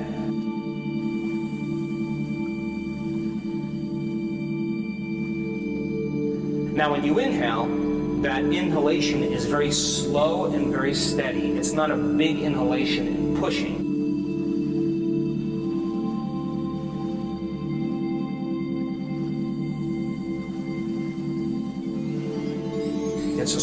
Steady breath, and you're contracting these muscles and coordinating it. You're following your breath all the way to the top of your head. And when you get to the top of your head, I'm going to ask you to inhale a little bit more. And as you pull up, you're going to lock these muscles down even further, and you're lifting them up.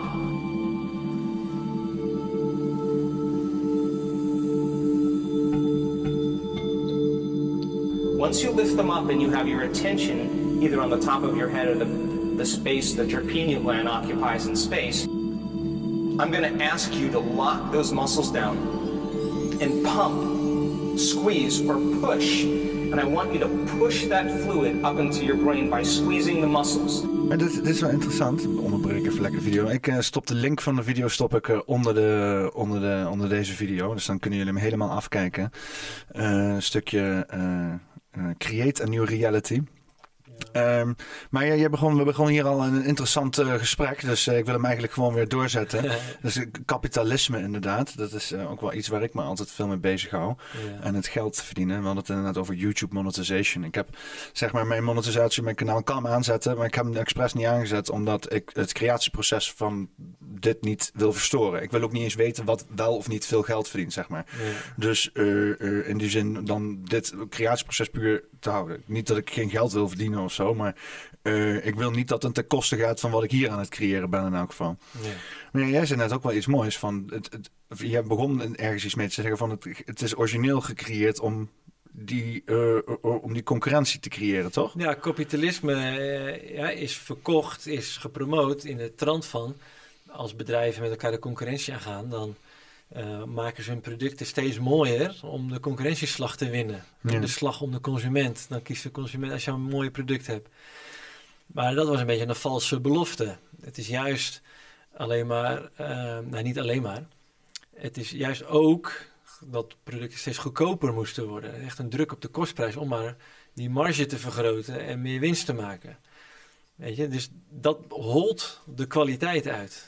Eh, dingen worden steeds schraler. Ja. Ze- gaan sneller kapot. Dus ze zijn letterlijk producten aan het maken zodat ze stuk gaan. Ze hebben gewoon bijna een soort van tijdbom in Ja. producten gezet, zodat ze snel weer een nieuw product gaan halen. Ja, weet je, dat is toch geen economie? Nee, ja, het, is ook geen, het is geen productie ook. Kijk, het woord economie, to economize, betekent om economisch met de resources om te gaan. Dat doen we totaal niet in deze economie. Hm. Weet je, en ook een aspect van het kapitalisme is, het wil helemaal niet de concurrentie aangaan. Het wil juist samenwerken en voorkomen dat we tegen elkaar gaan opbieden en elkaar de tent uitjagen en dat de consument de winnaar is. Dat willen beide kanten van de eh, competitiestrijd helemaal niet. Dus er is altijd een drang om samen te werken of om elkaar op te kopen, te Ja, dat- fuseren. We zijn alleen nog maar leven in een wereld van monopolies. Onze supermarkten zijn monopolies, Ja. onze media zijn monopolies. Alles is één grote monopolie geworden. Ja, maar dat is ook zoiets, dat weet je van tevoren. Als je hier gewoon rustig even bij, eh, bij stilstaat en over nadenkt, waar gaat dit heen? Dan kun je dit bedenken. Ja, want, waar, want ik ben op school dus altijd geleerd dat hè, bij economie monopolies zijn slecht. En als dat te groot wordt, dan komt de overheid en die breekt de monopolie op. Waarom heb ik dat nog nooit gezien in mijn leven? Ja, overheden zijn minder machtig. Dan de monopolies momenteel. Ja, als je kijkt naar wat er aan omzet binnenkomt bij eh, bepaalde techbedrijven of farmaceutische bedrijven of oliebedrijven, voedselbedrijven. BlackRock en Vanguard. Nou ja, dat, dat, dat zijn de uiteindelijke eigenaren Mm. van, van heel veel eh, multinationals. Dat is ongelooflijk waar, eh, waar dat heen leidt, dat eigenaarschap. Die hebben echt veel geld. Hè? Die, hebben, die staan op de derde plek. eh, entiteiten met de meeste geld. Eerste entiteit is Amerika, tweede entiteit is China, derde entiteit is BlackRock. Ja, Dus dat is echt bizar. Die hebben gewoon meer geld als de meeste landen. Eh, ja, eigenlijk alle landen behalve China en Amerika. ja kijk, en wat is geld hebben? Ja, Als je beheer, weet- in beheer hebben ze dat. Ja. Ja, als je weet dat eh, landen eh, een exponentieel groeiende staatsschuld hebben. Ik zeg exponentieel, daar moet ik voorzichtig mee zijn. Maar in ieder geval een stijgende staatsschuld hebben. Waar, waar rente oploopt. Eh, waar gaat die rente heen? Dat gaat allemaal naar private instellingen. Uiteindelijk inderdaad naar BlackRock, Vanguard. Ja. En als je, als je ziet, je weet van tevoren, dit gaat zo hard klappen. Waar, waar denk je anders waar het heen gaat? Dit, dit, dit, dit is onhoudbaar. Je kunt niet alle welvaart uiteindelijk bij één partij eh, heen laten groeien. Want je weet, dit is het machientje wat, wat we hebben gebouwd. Alle welvaart stroomt naar één punt. En natuurlijk is er ook nog steeds welvaart hier. We hebben, we hebben hier spullen staan, we hebben nog steeds onze wel. Maar we zitten in dat proces van eh, verschraling enerzijds aan de onderkant en groei aan de bovenkant. En die, dat proces, die stroom, ja, die zie je de laatste jaren alleen maar, alleen maar toenemen nog zelfs. Ja, en ik ben er weer blij mee. Want het wordt eindelijk zichtbaar. Ik weet nog toen ik 13 was, vroeg ik aan mijn economieleraar op de middelbare school. Eh, was na, na de les. Ik weet niet meer precies wat ik hem vroeg. Volgens mij ging het erover iets van... eh, van hé, hey, maar dit is toch nooit houdbaar? Dit, dit, eh, het ging over staatsschulden, geloof ik. Ik weet het niet eens meer. Maar hij zei in ieder geval, dat klopt. Dit is ook niet houdbaar. En het heeft zo'n indruk op mij gemaakt.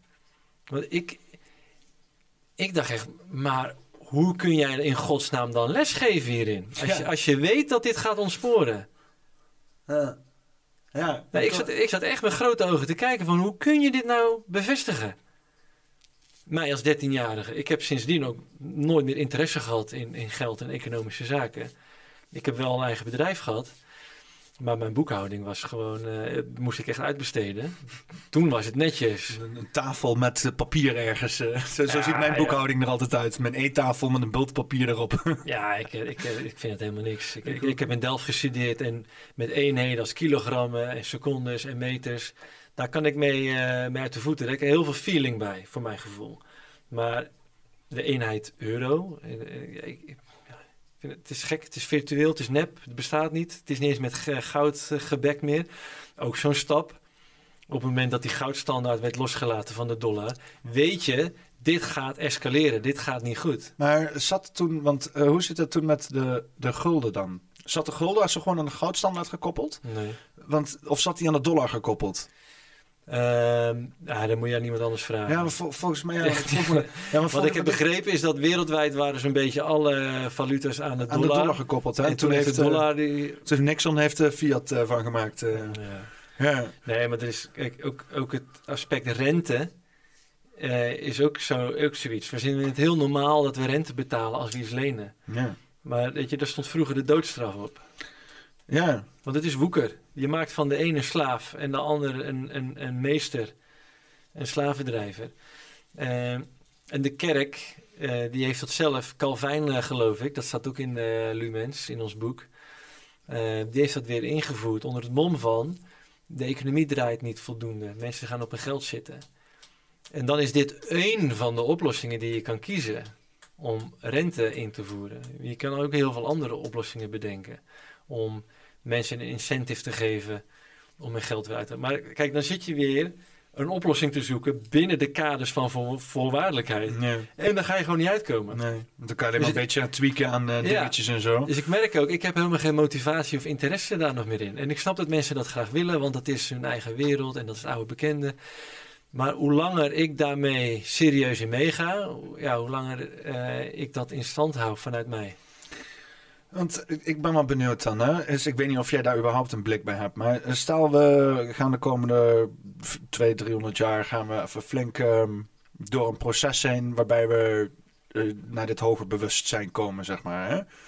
Eh, gebeurt, dat gebeurt trouwens over de hele wereld, neem ik aan, toch? Of, Ja, en ik denk niet dat het eh, zo lang eh, duurt. ja, denk je dat het korter is? Ik denk dat het een kwestie van jaren gaat zijn. Maar ja, echt? Denk je dat wij dat gaan meemaken? Dat de hele wereld in een hoger bewustzijn Ja, dat is wat ik heb gezien. Ja, dat is mijn verhaal.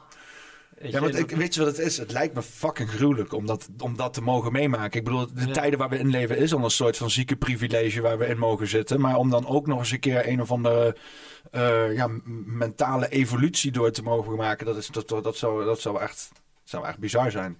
Ja. Maar hoe ziet dat, hoe, hoe, hoe ziet dat eruit dan? Want je hebt dan een visioen gehad, dus je hebt het gezien. Hoe, hoe ziet dat eruit dan?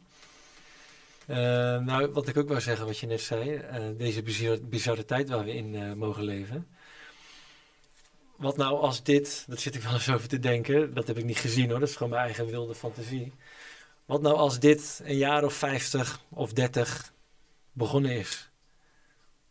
Deze hele schepping. Gewoon om deze episode weer eens te beleven. Dat dit ooit ontstaan is. Dat, dat, zo, dat was een vette tijd. Die gaan we nog een keer beleven. Als een, eh, als een, eh, een, eh, een simulatie, zeg maar. Ja, en daar zijn heel veel ja, doordachte theorieën over. Ja, doordachte zaakjes. Elon Musk komt er ook mee en zo, hè? Ja, is dat we in een simulatie leven. Vind, En- vind je dat aannemelijk? Nee, ik vind het grappig. Ik vind alles gewoon grappig, interessant. Uiteindelijk weet je, weet ik, dat je in één groot mysterie leeft wat toch niet te kraken is. Nee. Weet je, dus geef je maar over en geniet ervan.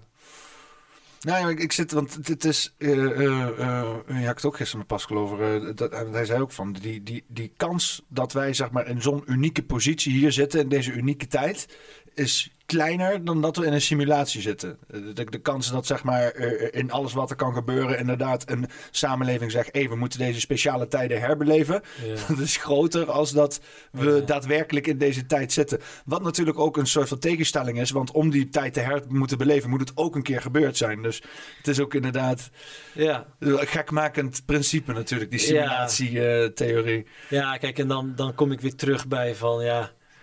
En dan, weet je, dan. Ja, het maakt niet uit. Het is dezelfde beleving. Het zou in principe niet uit moeten maken of je nou een simulatie doet of dat we echt in de echte tijd eh, leven. De beleving is hetzelfde, zou je zeggen. Ja, het is levensecht. Ja. Weet je, en eh, hier komen ook dan eh, de, de, de déjà vu-theorieën vandaan, de, de glitches. Dat het de storingjes zijn in, de, in, het, in die simulatie in de Matrix. En de film The Matrix ja, blijkt telkens weer letterlijker te zijn dan, dan we dachten. We wisten wel, dit is wel profetisch. Maar god, we blijken gewoon batterijen te zijn voor de machine. ja, ze voeden, ze voeden zich aan ons. Eh, ja, zo, zo- zoveel overeenkomsten. Eh, ook, ook het einde van, eh, van deel 3 vind ik ook heel treffend. Dan is Neo in gevecht met Agent Smith. En hij kan niet winnen. Niet eens van eentje, maar de straten staan vol. De gebouwen staan vol. Hij heeft zichzelf gekloond. Ja. En Neo, hoe goed hij ook vecht, het is echt bizar wat hij inmiddels kan met zijn eh supergaves die hij heeft ontdekt. Hij krijgt niet voor elkaar. En dat is ook voor mij de beeldenis van je kunt eh, het kwaad, het trauma niet bestrijden. Je wint het niet met strijd. Ja. Pas op het eind, dan geeft hij zich over. En dan duikt hij in het vermeende duister. En pas dan lost het op. En dan zie je bij al die Agent Smiths in de straat, in de gebouwen, door hun ogen, achter die donkere zonnebrillen vandaan, zie je ineens het licht komen. En ze lossen helemaal op. ja. Ja, dat is wat ik heb gezien. En Ik, ik zat laatst nog na te denken over dat einde. Dat hij dus inderdaad op dat, op dat stuk staat. En dat dan die machine zichzelf eh, eh, laat zien. En dat hij eigenlijk weer terug de machine ingaat. Ja. En ik denk van. Dat is eigenlijk ook nihilistisch eigenlijk. Hè? Inderdaad, je, je strijdt tegen dat ultieme. En op een gegeven moment word je het ook gewoon. Hij wordt zeg maar weer de machine op het eind. ja. En, en daar heeft hij dan die drie films lang. Heeft hij daar eindeloos voor lopen knokken. En, en, en zichzelf eh, beter lopen maken. ja. En ik zat na te denken. Want, want die, die- Matrix 4 is uitgekomen natuurlijk. Heb je die al gezien? ja. En natuurlijk met alle trilogieën die in een mooie opwelling worden gemaakt. En dan wordt er nog een keer een extra versie van gemaakt om tijden te herbeleven. Is het natuurlijk kut. Maar ik vind ook dat ze een beetje dat, dat toch wel melancholische verhaal daarin in één keer een beetje weer proberen meer, meer betekenis te geven. Door te zeggen van ja, maar hij is er nu in. En nu kan die. eh, eh, hij is weer terug in, de, in die matrix, zeg maar. En nu moet hij zich weer opnieuw, zeg maar, vrij eh, vechten. Alleen dan vanuit een andere positie. Ja, ik heb er niet eh, zo goed in gezeten. Ik heb er zelf een beetje het gevoel bij ehm, dat het uitbeeldt dat alles cyclisch is. Mm. Alles komt en gaat. Waar wij nu in deze fase ook in zitten, deze jaren, je, is geen uitzondering. In de eeuwigheid waarin wij leven is het niet een uitzondering dat we nu ineens met deze strijd, deze eh, chaos te maken hebben. Dit komt en gaat. En wat ik net ook vertelde, in die, eh, na die chaos, weet je, je komt allemaal weer thuis. Het komt altijd weer thuis. Er is niks anders dan, dan thuiskomen, Ja. weet je. En dan zit je weer in die vrede, in de harmonie. En dan ga je weer op pad. En dan ga je weer het avontuur aan. In de onbevangenheid, in de nieuwsgierigheid. In de, vanuit je onschuld. En dan ontstaat er weer die dwaling. En dan, wow, dit vinden we vervelend. We voelen angst, we voelen pijn, we voelen trauma. We willen naar huis. Ja, en daar zitten we nu. Ja, want we doen, dat, we doen eigenlijk dat, dat, dat rieltje wat je zegt inderdaad met dat ontdekken en die, dat dwalen. Dat doen we ook op verschillende schalen. En dat doen we dan heel persoonlijk, maar ook inderdaad eh, als, als samenleving of als eh, tijdsgeest of generatie of zo doen we het ook. eh. Ja. Maar dan nog even dan terugkomen tot mijn vraag. Dan dan oké, stel je voor over tien jaar. we zijn allemaal ehm, in een hoger bewustzijn, of meeste van ons. Zijn er dan, zijn dan de problemen weg? Is dat, is er dan geen problemen meer? Hoe moet ik dat precies zien? Eh, Ja, wat is een probleem? iets waar je niet mee bezig wil zijn. Ja, kijk, ik dat weet niet is, dat is geen officiële definitie, maar dat is hoe Nee. ik het probleem ervaar, zeg maar. kijk, het is een afwijzing van het, van het, van het leven. Weet je, die, die cyclus, wat ik net zei, het komt en het gaat. Je kunt er niks in afwijzen. Geen enkel moment.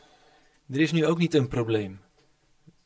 Er is een avontuur. Weet je, we hebben iets op te lossen, we hebben iets te begrenzen.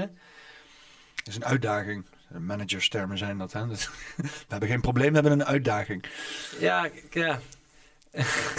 maar eh, ja, een probleem, weet je. Ik heb ook wel eens de, eh, uit het management gehoord, weet je. En, en, en problemen bestaan niet.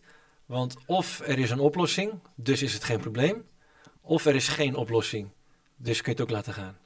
Ja, Accepteer het maar, is er ook geen probleem. ja, dat is wel de ultieme manier om ernaar te kijken, inderdaad. Ja. Ja, die kun je hier eigenlijk ook wel op, op loslaten. Maar weet je, het, het is zo magnifiek in elkaar gezet en het heeft zo zijn ervaring nodig om tot een realisatie te komen wat we wel en niet willen als mensheid. En daarom is het heel belangrijk om je grenzen aan te geven en om ook te voelen wat je voelt. Niet dingen om weg, weg te stoppen. Weet je, want dan bouw jij voor jezelf een trauma op. Maar als jij het doorvoelt, eh, heb jij dat niet opgeslagen in, je, in een trauma, in een overtuiging, in een blijvende angst voor iets. En door het te voelen, geef jij het door aan het collectieve bewustzijn, aan de grote geest of hoe je het ook wil noemen. En daarmee weet het geheel ook waar het niet en heen, wel heen wil. Dus als jij iets als heel eh, onprettigs hebt ervaren, is het ook fijn om dat even door te geven door het te voelen. We- Weet je, wij als mensen zijn een soort van sensoren en periscoopjes van een veel groter iets. Weet je, het kijkt mee via onze ogen, via onze gevoelens. Maar als wij daar iets in weg zitten te stoppen, kan dat grote geheel, dan hapert ons sensortje voor het grote geheel. En dus dan weet het niet waar het heen moet sturen. Ja. Ik, ik zag eh, volgens mij van jouw podcast, jouw af, af, de laatste gast die je had. Die is toch die, met die multigenerationele trauma's bezighoudt. Eh eh, Maarten Oversier is gisteravond online gekomen. ja, ja, ik heb hem nog niet gekeken inderdaad, maar ik, ik ken hem van Weltschmerz van gesprekken. In Mhm. het begin vond ik hem echt super intens, dus zoals hij op mij overkomt. Hoe, wat van, hoe, kwam die, hoe voelde? Daar ben ik wel nieuwsgierig naar. Heel oprecht. Heel bevlogen.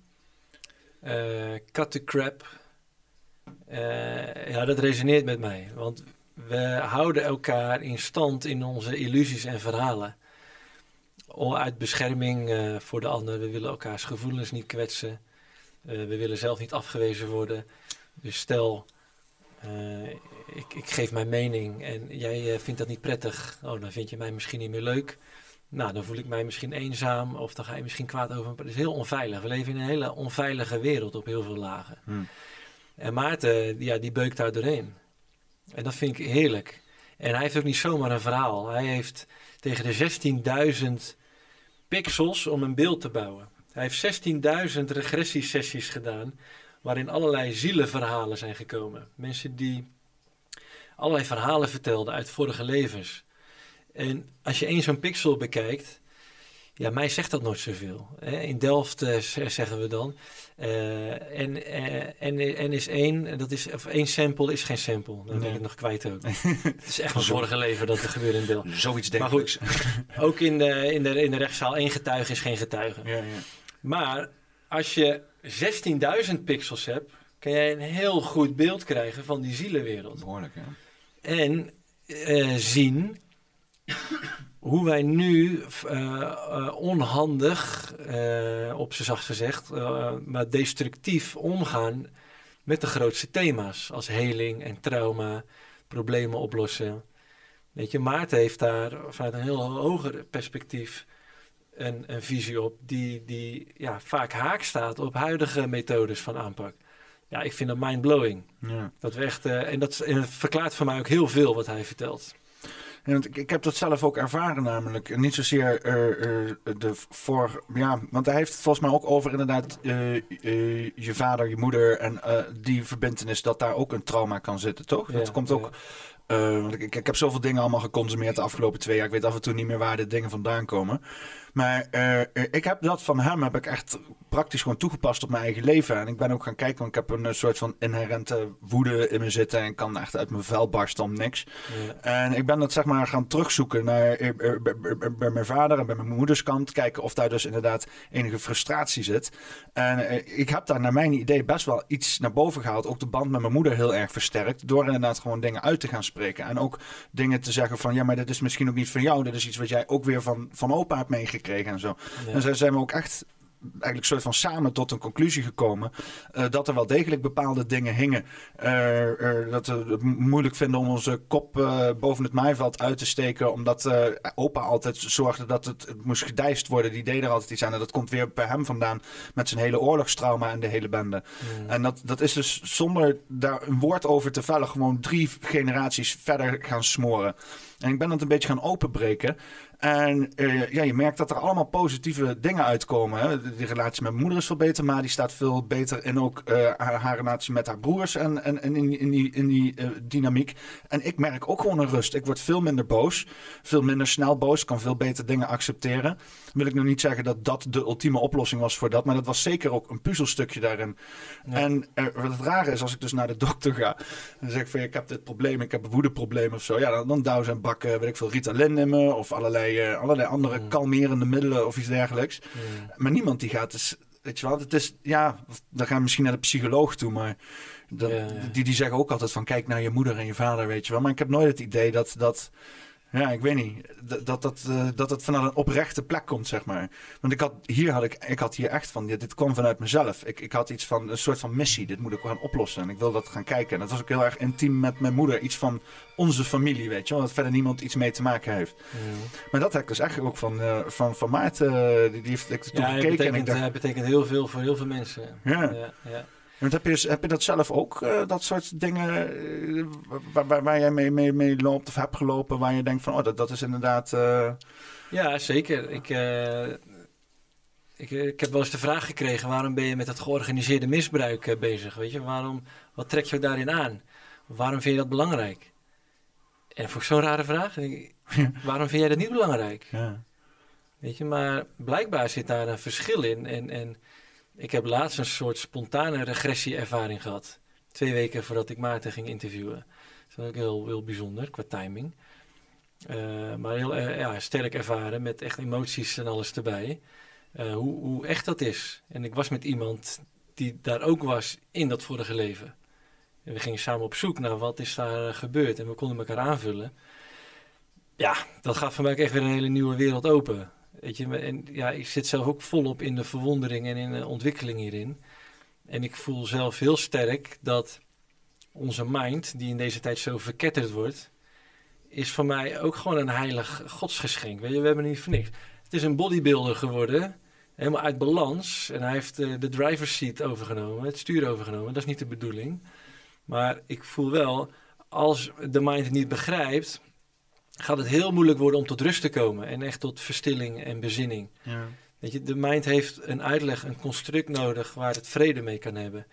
En dit soort verhalen over zielentrauma's, eh, die, die dragen daar eh, groot aan bij in mijn, eh, mijn, mijn ogen. ja, want dat, dat hele, want gaat, ja, wil af, afronden. zullen we, zullen we richting, richting een einde gaan? Ja. Ik, ik doe altijd nog wel een titel verzinnen aan het eind, samen met de gast. Ja. En dan hebben we een leuke spontane titel. Eh, heb je zelf eh, iets in gedachten, woorden die je binnen, binnenkomen gevlogen of eh, bepaalde zaken?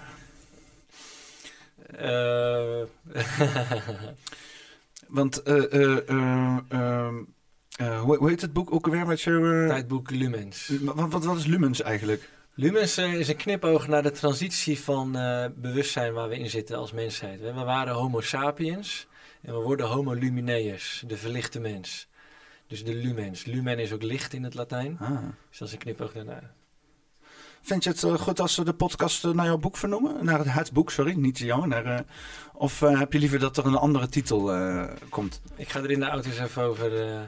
Want we hebben echt veel, veel verschillende dingen besproken. Ja, nou, ik ga wel, want ik heb tot nu toe bij elke podcast nog aan het eind een titel verzonnen. Dus een ik traditie, ga traditie die ik heel slecht ga, ga doorbreken. Ja, dat is goed. Maar ik, ik hou ervan. Ik vind het een prachtige naam.